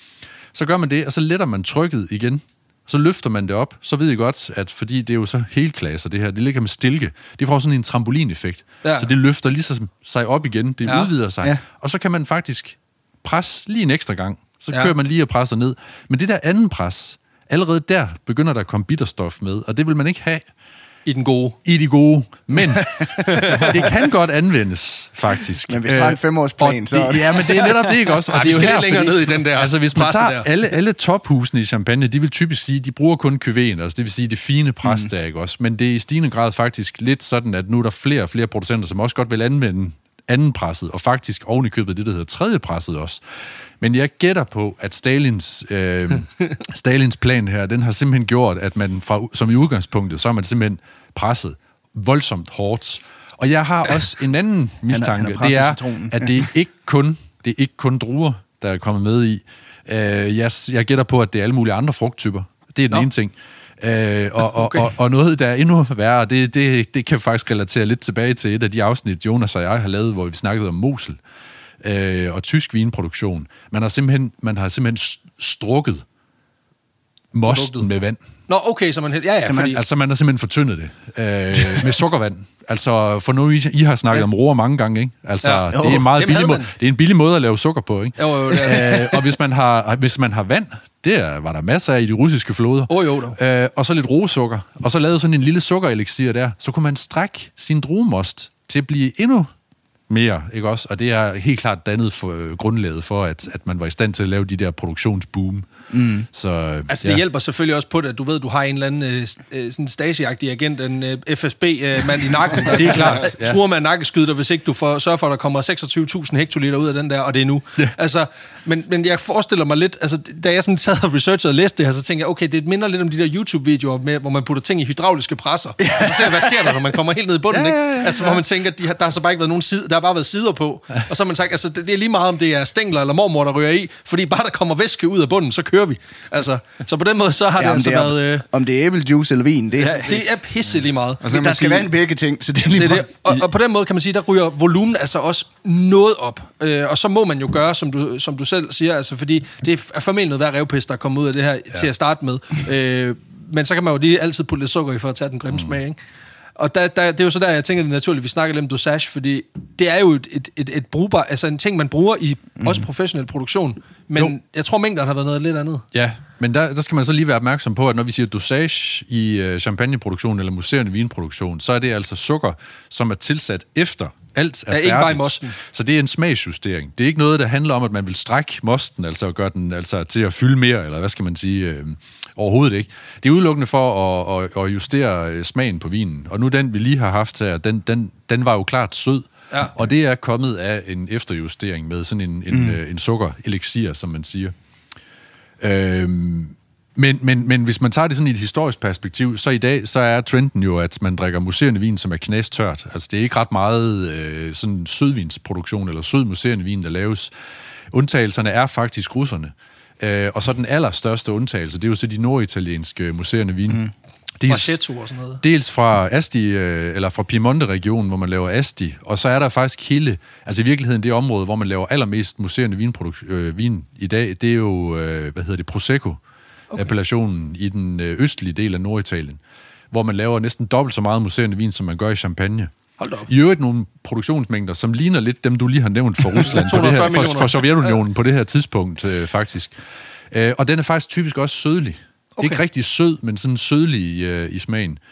Øhm, men, men hvis vi går tilbage til dengang russerne, de kastede deres kærlighed, altså nu har du nævnt 1800-tallet jo, da russerne kastede deres kærlighed på champagne, der var det faktisk sådan, at champagnehusene, de havde det, de kaldte for gu rus, altså den, på fransk, den russiske smag simpelthen. Man har det, der hedder, øh, eller i 1800-tallet havde- arbejdede man med gu anglais, altså den engelske smag, gu américain, den amerikanske mm-hmm. smag, og så gu rus, den russiske smag. Gu anglais, den var stadigvæk sød, men tæt på det, vi sådan i dag vil sådan sige halv, Tør. halvtør, Halvtør. halvtør øh, i udtrykket. Ikke? Gu americain var sødere. Den havde typisk op mod 100 gram restsukker. Hold da og kæft. det er der ikke noget champagne, der laves overhovedet i nærheden af. Men det er rigtig sjovt, det er Det er så typisk amerikanerne bare at proppe sukker i lort. det er nemlig rigtigt, det er nemlig rigtigt. Men det værste, det var jo så Gurys, fordi Gurys på det her tidspunkt i slutningen af 1800-tallet, det ved vi, fordi der er masser af optegnelser i nogle af de store champagnehuses øh, øh, hvad hedder det, produktionslister. Der snakker vi altså 300 gram restsukker. Og det er, så er vi oppe i nærheden af noget, der ligner... Tag det Mokai. øh, Det er det, Ja, det, det, er, men det, er, ikke, jamen, det er ikke engang det. Altså, det er ikke engang det. det er, vi snakker PX uh, sherry. Altså, det aller, aller, aller sødligste sherry, du overhovedet kan komme i nærheden af. Så er russerne har haft en sød bare tand sirup. også. Ja. At det, at du, nu siger du sød tand, men det er der indtil de ikke har haft nogen tænder længere. Fordi, Jamen, Jamen, det er det, det. tandhygiejne, det var, det var åbenbart, det var, det var det er sådan en zeitgeist-ting dengang. Det er også meget sjovt Det var at et kigge på. Stalin, der er en af verdens største krigsforbrydere, og så bare lige have i baghovedet, at han har været et rigtig sukkergris. Ja, præcis. Igen det der med at skabe det humanitære billede af manden, ikke? Men altså, ja, Ja, og det er helt med, skørt. med det in mente, så synes jeg, at vi skal prøve at åbne den anden her. Det, det er stadig fra. Abru. Abro. Dursu. Dorso. Abra Dursu. Øh, det her det er så en, øhm, en rouge. Det står simpelthen på fransk Ja. øh, på, på etiketten her. Øh, og så står der så metode, eller metode klassik Ja. på den her. Mm. Så det vil sige... Der er sket det- lidt. Der er sket lidt her. Man vil gerne forfine det en lille smule, og begynder altså at, at producere efter ja, den, Den fran, rigtige- den franske den franske rigtige, rigtige metode, kan ja. man sige. Øhm, og der står så også, at det er en Victor Dravigny. Det må være en eller anden signatur. Øh, Ja, det er faktisk en franskmand, som de har haft øh, ansat. Øh, og så hedder han ikke Dravigny, Nej, så nej, han hedder Dravigny. Dravigny. Lad os så se, om, om der sker lidt, lidt andet nu. Jeg skal prøve at se, om jeg kan holde igen på den i hvert fald. Åh, okay, der er stadig tryk på. Man ved, man ved, det er en mand, der, der er god til at lave vin, og man hedder Drakvini til efternavn. altså, Flot. Det var bedre. Nu, du kunne, det kunne lidt mere, meget det der. Ja. Og øh, den er lavet på Cabernet Sauvignon. Det er nemlig det. Ja. Det bliver. Det bliver spændende. Det er sgu da, ja, det er da igen helt andet gear, ikke sandt? Hold da op. okay, den er noget øh, rødere, end jeg havde forventet. Det er fuldstændig øh, museerne rødvin, det her. Og det, det er sjovt ikke, fordi altså, det kender vi jo slet det, det, det, det er der ikke nogen i champagne, der laver. Mm. For det første, Cabernet Sauvignon må man selvfølgelig ikke, Er det gift, selvfølgelig ikke bruge. Uh, det er den ene ting. Men der er ikke nogen, der laver øh, altså rød museerne vin, som det her jo er. Nej. Jeg tror faktisk, Altså, jeg har den- smagt noget, der minder om det her fra, fra Norditalien på et tidspunkt. Ja. Det hedder altså, Brachetto Ja, d'Acqui. Brachetto d'Acqui, Ja, ja, ja, de, de laver det, og den er, den er rigtig sød også. Øh, Den ligner- og, og druesorten hedder Brachetto der. Men, men australierne for eksempel, de holder meget af, af altså at lave på Shiraz og Cabernet Sauvignon for eksempel, øh, museerne vin, eller det her. Den ligner lidt, og nu, nu kommer du til et kommentar. Øh, den ligner lidt noget, min kæreste hun laver, hun kalder for sprød. som simpelthen er Det vil jeg Sprite ikke, og vide- jeg vil, jeg vil, rødvin, jeg vil ikke vide, hvad det er. Nå. som er den billige Sprite, og den, den billigste flaske rødvin, hun kan finde. Det er stærkt. Og den, Øh, den dufter lidt deraf. Hold da. Ja, altså det, der er at sige om den ellers, det er jo, at den er, det er jo 2015, mm. øhm, og så, så er den øh, markeret semi-sweet. Mm. Øhm, Det kan man også dufte, tror jeg. ja, den, er, den, den dufter meget sødt. Ja, og hvor den anden, den holdt øh, 11,5 procent alkohol, så holder den her 12,5. Men det, det her, det er også helt nyt for mig, mm. Asger. Altså at skulle drikke rødvin med bobler mm. og sødme. Mm. Jeg er spændt på, om der er, om der er tanniner, mm. Øh, og, og sådan nogle ting. Det, øh, det, det skal Lad vi os, prøve. øh, lad os Altså, prøve. vi, kan lige, vi kan lige tage... Øh, vi har snakket lidt udseende, men det er, den er bordeaux-rød. Altså, mm. vi er Ja. helt henne. Ja, virkelig Ja. flot. Og- den er- altså, Altså, det er ribena. Farvemættet. Ja. Ja, den holder farven øh, godt ud til kanten også, så der er knald på, mm. på der. Hvis vi lige tager øh, og lugter, så er det også øh, rødvin, ja. Ja. mm. men med noget sødme. Ja. Noget bær. Jeg får også med- skulle til at sige, at den dufter mest af alt af, af jordbær. Ja, altså Cabernet Sauvignon har den her tendens til at, at, at, at lugte af solbær. Ja, jeg skulle lige sige Øh, sol- og- og- ribena. og- måske, Hvis, ja. hvis der er nogen, der for eksempel har børn, øh, som godt kan lide øh, ribena-saft eller friskpresset øh, Mm. Så hold solbærsaft, og så, og så blande det med øh, dansk vand, ikke? Jo. Sådan, ja. du, sådan lugter det lidt, Ja. ikke? Ja. Men der er på en eller anden måde også et eller andet. Altså, jeg ved ikke, om det er måske noget, noget igen noget sådan syrlig E, eller et eller andet. Der er et eller andet, jeg synes, jeg fornemmer. Det er der. Det er der. Men Ja. ja. det kan vi lige vende tilbage til. Det, Ja, fordi øh, når man så tænker solbær, så tænker man tit og ofte også, at der må være noget syre i os. Mm. Men det fornemmer man ikke rigtig her. Ikke, det, er mere, øh, det er mere sødmen, øh, ja. der er i, øh, i duften her. Lad os smage på den. ja. Skål. Skål. Ja, tak fordi I måtte komme. Det mest syrede, det er, at det smager faktisk rigtig meget som det sprød, min. Der er en franskmand i Rusland, der vender sig i sin grav. Så. Øh, når jeg spørger om smagsnuancer, så er det billig Sprite. Jeg synes, det er meget, meget anderledes end noget, jeg Ja. nogensinde har smagt det her. Det er spøjt, det her. Dito. Hvad siger du, Jonas? Jamen, øhm, jeg, får, jeg får ferieminder igen, ja. som, øhm, som vi så tit gør. Det her, det er et ferieminde, som strækker sig til noget, til noget Kreta, hvor man også serverer kold rødvin. Øhm, og meget lokal rødvin. Mm. Og ikke nødvendigvis særlig god rødvin. Nå, nej, nej. Øhm, nej, nej. Og så, øh, jamen også, Alex, som du siger, en smag, man aldrig har smagt før. Mm. For du har klart øh, rødvinssmagen, mm. som du, som du Ja. siger, Peter, i, i, hvis man blander rødvin Sprite. men, men den gemmer sig også bag noget s- øh, sødme, og så selvfølgelig mm. øh, boblerne, som gør et eller andet sådan ekstra. Så jeg, skal Jeg er ikke sikker på, om det gør noget godt for det. Nej, men jeg skal lige have en smager mere. Ja. På den anden side, sådan, jeg synes nogle gange, det jeg har med rødvin, det er, at det godt nogle gange kan blive lidt tungt. Altså, jeg skal ikke mm. have meget mere end to glas rødvin, før jeg øh, synes, at nu har jeg ligesom fået nok. På den måde, så synes jeg på en eller anden måde, den får et frisk pust af, mm. der kommer... Øh, den bliver lidt lettere i det. Og så har den tanniner. Og det er også det, der gør den funky. Eller det, gør, det er det, der gør Jamen, jeg det synes også, jeg fornemmer, at den tør lidt slet ikke vant til i, uh, i museerne vin. Præcis, og tanniner, det er jo... De, de er ude til de her gummeudtørrende Præcis. øh, fornemmelser, ikke også? Der er ikke så meget af det, som, som man ville måske forvente i, i så kraft, kraftigt farvet en rødvin. Og specielt på en druesort, som har rigtig mange tanniner jo, mm. som Cabernet Sauvignon. Men Hvad siger, hvad siger fagkundskaben her? Altså, Jamen altså, altså jeg synes, altså, altså det er meget få steder, og jeg, der er ikke ret mange danskere, der drikker sådan en type som den her. Nej. Men altså, nu nævnte jeg det kort før, ikke? Altså australierne er klart det land i verden, der sådan laver mest af den slags her, for de laver øh, sparkling wine på, øh, på Shiraz-druer, øh, og Cabernet Sauvignon også i mindre grad. Øh, og, og det kommer simpelthen til at smage af sådan en, en, en frugtsaft-agtig øh, udtryk. Og når, de, og når de så siger, at det er lavet på den klassiske måde, altså det vil sige med champagne-metoden, og det vil sige, at der er lavet andengæring, kontrolleret andengæring her i flasken, så vil jeg ved med, at tiden på den døde gær ikke har været særlig langt, fordi der er stadigvæk ikke ret meget øh, smagskompleksitet her. Det er den der mm. umiddelbare, frugtagtige, saftagtige, øh, som, som, som, som styrer her. Og så, og så, som du siger, Jonas, det der med, at det, der er jo, det er jo doseret altså dosagen her er enormt høj. Der er meget restsukker i her, ikke? Altså ikke efter, ikke efter Gurus. Det er en klar Ikke 300 Nej, det er vi ikke op, slet ikke. Og vi er faktisk heller ikke på amerikan. Det er ikke på 100 her, det tror jeg ikke. Men, men vi er nok, øh, jeg gætter, jeg, jeg, det ved jeg ikke, vi er vel på 50 gram eller sådan noget, kunne jeg forestille mig. Sådan smager det i hvert fald, at... det er meget ligger. sødt. Altså allerede fra, du får det ind, Ja, det det er er det. synes man bare, man tænker, hvad? Det, altså, det er det helt er det. mærkeligt. Altså. Men der er noget andet her, som jeg synes øh, måske er værd at nævne, øh, og det, altså nu er det jo sådan, at, at Abraudurso sådan teknisk set er altså topmoderne i dag, og, mm. og, og, og de, de bliver konsulteret af en, som hedder Avis Justin, som er en af Champagnes store konsulenter. Øh, og han er, øh, han har faktisk naturvinstendenser. Han er sådan en, der gerne vil arbejde lidt med lav svovl, altså sådan øh, lidt det her, sådan lidt mm. trendy, som I måske også har hørt om.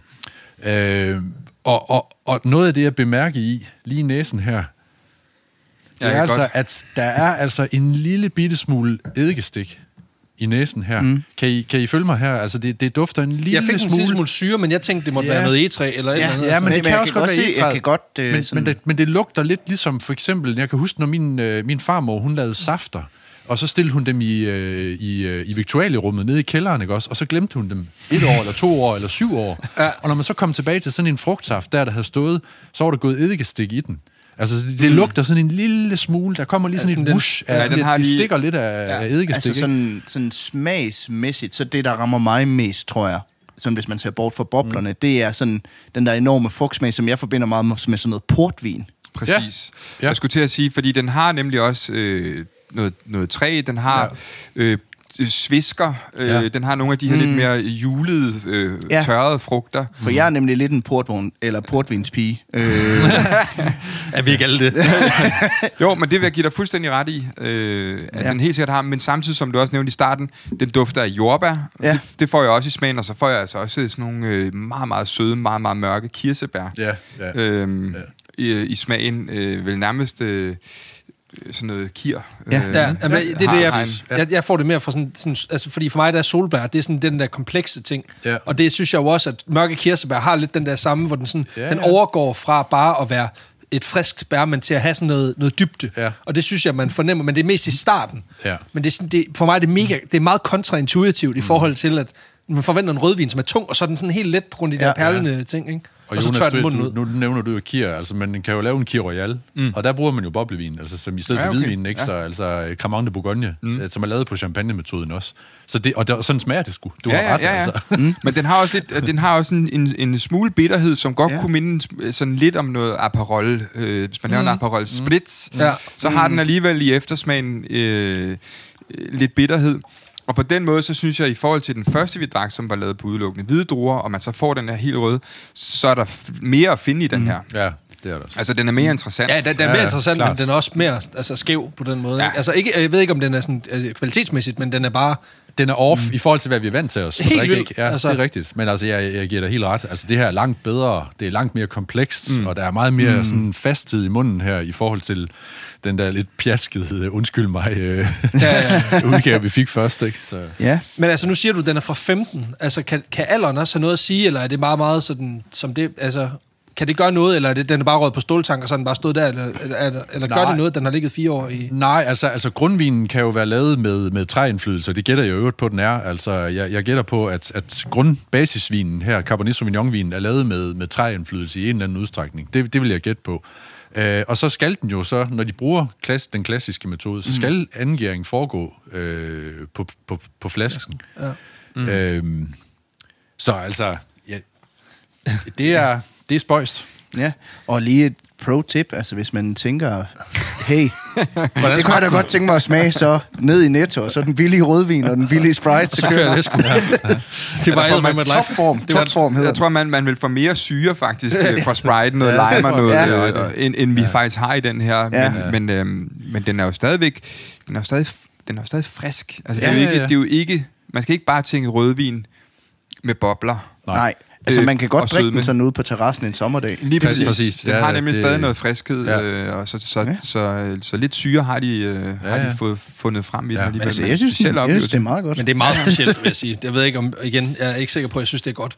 Men, øh, Jeg tror, det er sådan noget, som, øh, som man synes er godt nu. Ligesom Ja. jeg snakker om i starten, den der rødvin, kold rødvin i, i, på Kreta. Mm. Ja. Den var god, da vi sad dernede. Ja. Når man så tager den med hjem og åbner den, så... Ja, jeg tror, du kan være ret sikker på, at det aldrig er et kvalitetsstempel, når man siger, at den er god at drikke på en varm dag. Fordi så er det sådan lidt, jamen, det er der jo ikke, altså, har du prøvet vand på en varm dag? Det er også ret fedt egentlig. Ja, lige præcis. Altså, Altså, jeg var i Italien på et tidspunkt, hvor mine forældre de insisterede på at købe fire flasker Lambrusco med hjem. Og det, øh, det var helt af helvede til det, det, det vi så kom men de hjem. åbnede den 15. december, og du tænkte, det var da alligevel frisk nok. Ja, Lige præcis. men det er sjovt, at du nævner det faktisk, fordi altså Lambrusco rigtigt, det der bliver lavet me- mest af original Lambrusco, er jo en rødvin. Altså, mm. det er ikke det, vi er vokset op med, det er jo ikke det, vi lærte at læ- at kende i 80'erne, dengang mm. man drak øh, dårlig Lambrusco, men, men det meste Lambrusco er faktisk en rød museerende vin. Altså, det kunne sagtens minde om det her, faktisk. Ja, okay. Ja. Men den, den klarer sig jo også godt, når den er på klar flaske. Ja. Det ved man kun af ja. kvalitetsstempel. Pro- problemet, eller det, det, det, det gode, eller altså det, det der så er ved Lambrusco, det er så typisk tørt. Mm. Altså, og det, det gør, at det er langt mere anvendeligt i, i, det, i det salte køkken. Ikke? Altså, der er ikke nogen vin som Lambrusco, tør Lambrusco, som er øh, mere genialt til pølsebord. Altså charcuterie og tørrede pølser og så videre. Ikke? Men øh, det her, det er klart en starter eller en dessertsag. Uden tvivl, uden tvivl. Jeg vil så sige, for lige at komme tilbage til historien, Ja. Ja. så jeg tror ikke helt, det her det var faldet i vores gode ven Stalins smag, fordi han kom oprindeligt fra Georgien, øh, og var jo, som jo på en eller anden måde, er, det er jo en af verdens ældste vinnationer, øh, og han var altså, han havde altså virkelig en sød tand. Nu snakker vi om, at han var lidt en sukkergris, og det kan jeg med love jer for, fordi altså, det var vidderligt ham, der holdt fast også og presset på for, at det skulle være sødt. Så jeg tror, det har passet ham glimrende, at de bare har puttet den gode sirup i, øh, øh, hældt direkte i tanken, for ligesom også at øge mængderne. Det, og det, jeg synes, det er meget... Altså, der, der, er, der er et sjovt clinch der på en eller anden måde i manden, der var skyldig, jeg ved ikke hvor mange millioner dødsfald, som efterlod sin egen søn i fængsel, hvor han døde. Ja, det er lige Men meget. samtidig så... så drikker han kun den søde, de, de søde bobler, ikke? Nå jo, men altså... Sådan er det jo med... Al, altså, jo, jo, jo større en diktator, jo, jo mærkeligere madvaner, ikke? Ja, ja. Øhm, op igennem Sovjets levetid, der bliver det her sovjetskoje, champagneskoje, det bliver synonym igen med fest og farver, og øh, også selvom folk de slæber sig selv halvt ihjel for at overholde de her produktionskrav. Så det, altså, man har lige taget en flaske med hjem om fredagen, ikke? Altså, når nu har arbejdet øh, 5 gange 16 timer, og i øvrigt også kommer i morgen, så, øh, så har man lige haft den her til ligesom at køle ned på, på terrassen, hvis man der har ejet sådan en. Øhm, og Kommunistpartiet, de gør altså også virkelig deres for at reklamere for det her produkt, for det her champagne mm. øhm, De gør det med altså, massive plakater i supermarkedet, de gør det med, med bannerreklamer rundt omkring i byerne, og så vidt jeg forstår, så er der faktisk også reklamer på ydersiden for champagne på det tog, der fører folk til Gulag. Altså, så man har, ikke, man har alligevel ikke afholdt sig fra at sige, okay, det kan godt være, at vi sender folk i arbejdslejre, og de så må fryse ihjel, men husk champagneskoje til din næste fest. altså, og det, det synes jeg på en eller anden måde også bare siger noget om, hvor normaliseret det er, at man sender folk, altså, sit eget folk i, i arbejdslejre, at man ligesom tænker, nå jo, men det er jo, it's free real estate. Altså, der, der er gratis reklameplads lige der. Mm. Altså, så kan man også ligesom spærre alt det uhyggelige inde i, i reklamer for good times. Øhm, og det er jo svært, kan man sige, at vide, om, om Stalins propaganda øh, ved at frame billig sukkervand som symbol på det gode liv, det har virket. Men, men faktum er, at det kommunistiske Sovjet det bryder sammen i 1989. Øhm, hvilket i hvert fald tyder på, at, at, at champagne, øh, champagne ikke har virket optimalt. Ja. Øh, det har i hvert fald ikke fået folket til at få... Det har i hvert fald ikke givet den samlingskraft, mand han har, han har ønsket. Og jeg ved godt, at det nok ikke kun er Sovjets øh, champagne skyld, men, men øh, det har muligvis også haft noget at sige. Du er blevet bedre til at sige det der så. Ja, men det er, fordi jeg har drukket øh, to Præcis, glas, det, så det, jeg... virkede, det virkede. Præcis. Men det, det er lyder også- mere autentisk i hvert fald. Jeg ved ikke, om det er mere rigtigt. Men det er også, hvis man skulle gætte på, hvordan udtaler man sovjetisk øh, champagne på russisk, så ville du totalt gætte på sovjetsk øh, champagne. Ja, det, er, det er det mest oplagte. Det er intuitivt. Det er det, det er det. Øhm, sammenbruddet har dog ikke forhindret, at den her champagne stolte, stolte tradition, den er blevet videreført, fordi i dag, der bliver navnet sovjetskoje, champagne faktisk brugt flere steder i rundt omkring, i, især i, altså i, i Baltikum, i øst, tidligere Østbloklande. Øhm, og jeg har forsøgt kan jeg, kan jeg fortælle jer, at få fat i en flaske. Men det er nærmest umuligt at importere noget derfra, fordi for det første, jeg forstår ikke halvdelen af, hvad der står på de websites, jeg har været inde på. Og, og for det andet, så altså, jeg har faktisk været i kontakt med nogen, som, som får fat i, men de, det, det er ikke bare lige sådan. Mm. Øhm, noget tyder på, at jeg skulle have kigget til Letland, fordi der er faktisk en producent i Letland, som midt i nullerne, sådan meget lidt, meget lidt øh, socialistisk og egentlig meget kapitalistisk, simpelthen har, er gået helt til den lettiske højesteret for at sikre sig at have trademark på begrebet sovjetskoje som champagneskoje. Så er der en mand i Letland, der har eneretten til at kalde sit, øh, sit øh, ja, undskyld mig, men noget slatne øh, sparkling wine for øh, sovjetchampagne. Øhm, og det bliver stadig produceret i mange forskellige lande, øh, men langt de fleste steder bliver det produceret i strid med EU's regler, fordi du må jo ikke kalde det for champagne. Men igen, vi giver ikke så meget for de der regler øh, nogle nej, steder nej. i verden. Så, så den får lov at leve videre, og er jo på den måde, hvis I løber på det, kære lyttere, øh, på det derude, så tager det lige en flaske med hjem, om ikke andet, så bare formindet, formindet historien om, at Stalin engang forsøgte at spise sin udsultede befolkning af med nogle rigtig tavlige bobler med en helvedes masse sukker i. Øh, og i dag der har vi så fået lov til at smage noget af det, hvad, hvad kan man sige, hvor, te, hvor vi kan smage teknologien, hvad den har gjort. Og, og jeg er ikke sikker på, at det har, det har løftet det helt ud af, af bundklassen, men jeg vil sige, der er alligevel nogle takter her, som, som tyder på, at om 2-3.000 år, så kan det være, at den begynder at ligne noget, ikke? Så, øh... Nå, men altså, som René sagde, det er, der, der, den fejler jo ingenting. Der er jo, det er jo ikke en mm. vin nej, nej. med fejl på, nej. Øh, så produktionen er jo egentlig i orden. Og man kan sige... Øh, det er de kunstneriske valg, der begynder at blive interessante her. Ja, men og, og de, vi har med her, kan man godt øh, skaffe hjem i Danmark også. Der, mm. Det er ikke noget problem. Og de er jo, øh, de er jo festlige. Ja, altså, det er jo ikke udrikkeligt. Mm. Øhm, så, så det er jo... Det, altså, jeg vil da anbefale, hvis man er nysgerrig på, hvordan det smager, mm. mm. at man får fat i de her to flasker, for at kunne følge med i, i, i vores snak her. Øh, om ikke andet så for at få en oplevelse, man aldrig har fået før med den her... Især den, den røde der. Især den røde der, ja.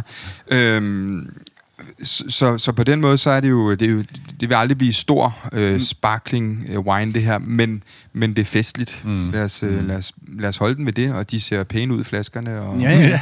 jo, men jeg tror også, altså det der med, at, at, at det kan noget andet, og så om ikke andet, så er det et, et enormt interessant conversation piece. Mm. Altså fordi, at det netop har den gode historie, ja, ja. og nogle gange, så skal man altså ikke fornægte sig af, at, altså fordi der findes jo masser af produkter derude, nu nævnte du selv øh, Cremant, som sådan en, altså der findes jo masser af Cremant, du kan få for en 100 mand, okay. som er lavet øh, fuldstændig clean, og det, mm. det smager øh, super godt, og er egentlig meget sådan rent produkt. Men det er bare, det er jo bare yet another bottle. Mm. Hvorimod her, der kan man sige, for pengene, der får du jo så også der får du i hvert fald en historie med. får du noget med, som, som på en eller anden måde er, er ret fantastisk. Jeg synes, jeg læste ind på deres hjemmeside, at de ser sig selv som et, øh, en top competitor til de, til de italienske astier, men ja. meget mere priskonkurrencedygtig, hvor jeg sådan tænker, det er ikke, du, du sælger det ikke ret godt lige nu, og man kan godt mærke, at jeg er ikke publikum for det her, fordi altså, hvis du, du går ned og kæmper mod en Asti til 35 i Netto og siger, men vi er jo den billige version. ja. Ah, kammerat. Så er vi helt over i Aldi. ja, præcis, præcis. Nå nej, men altså, jeg ved, at øh, den, den, den første, vi smagte, den kan mm. fås i ungarske supermarked for en 45 kroners penge, måske endda lidt lavere. Så det, det er det leje, vi snakker om. Ikke? Mm. Altså, det siger så også noget om, hvor meget det koster at få, få møget importeret til Danmark. ja, ja, og den, og den, røde, den røde her, den koster 190 herhjemme. Ikke? Så, ja, øh, så er den nok også mm.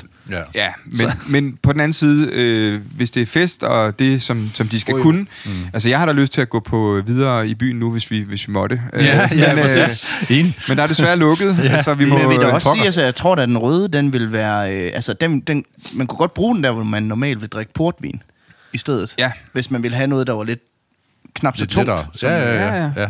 Klart. Og så have en god snak over. Ja. Ja, ja. Når man i forvejen har fået en 6-8 glas af den gode. Ja, så, som, i øvrigt så, som jeg altid gør, når jeg får lidt at drikke, så whipper jeg lige Stalin ud, så skal vi snakke folkemord i ja. tre timer. så. så hygger by, vi rigtig by the way. Ja. Hvad er dit for yndlingsfolkemord, ikke? Ja, men, men øh, øh, det var sådan set historien. ja, det var og vi kom, lidt, øh, vi kom lidt, lidt omkring, og blev faktisk også lidt klogere. Det er jo altid rart. Jeg lærte en masse om øh, vin i hvert fald. Ja. Præcis.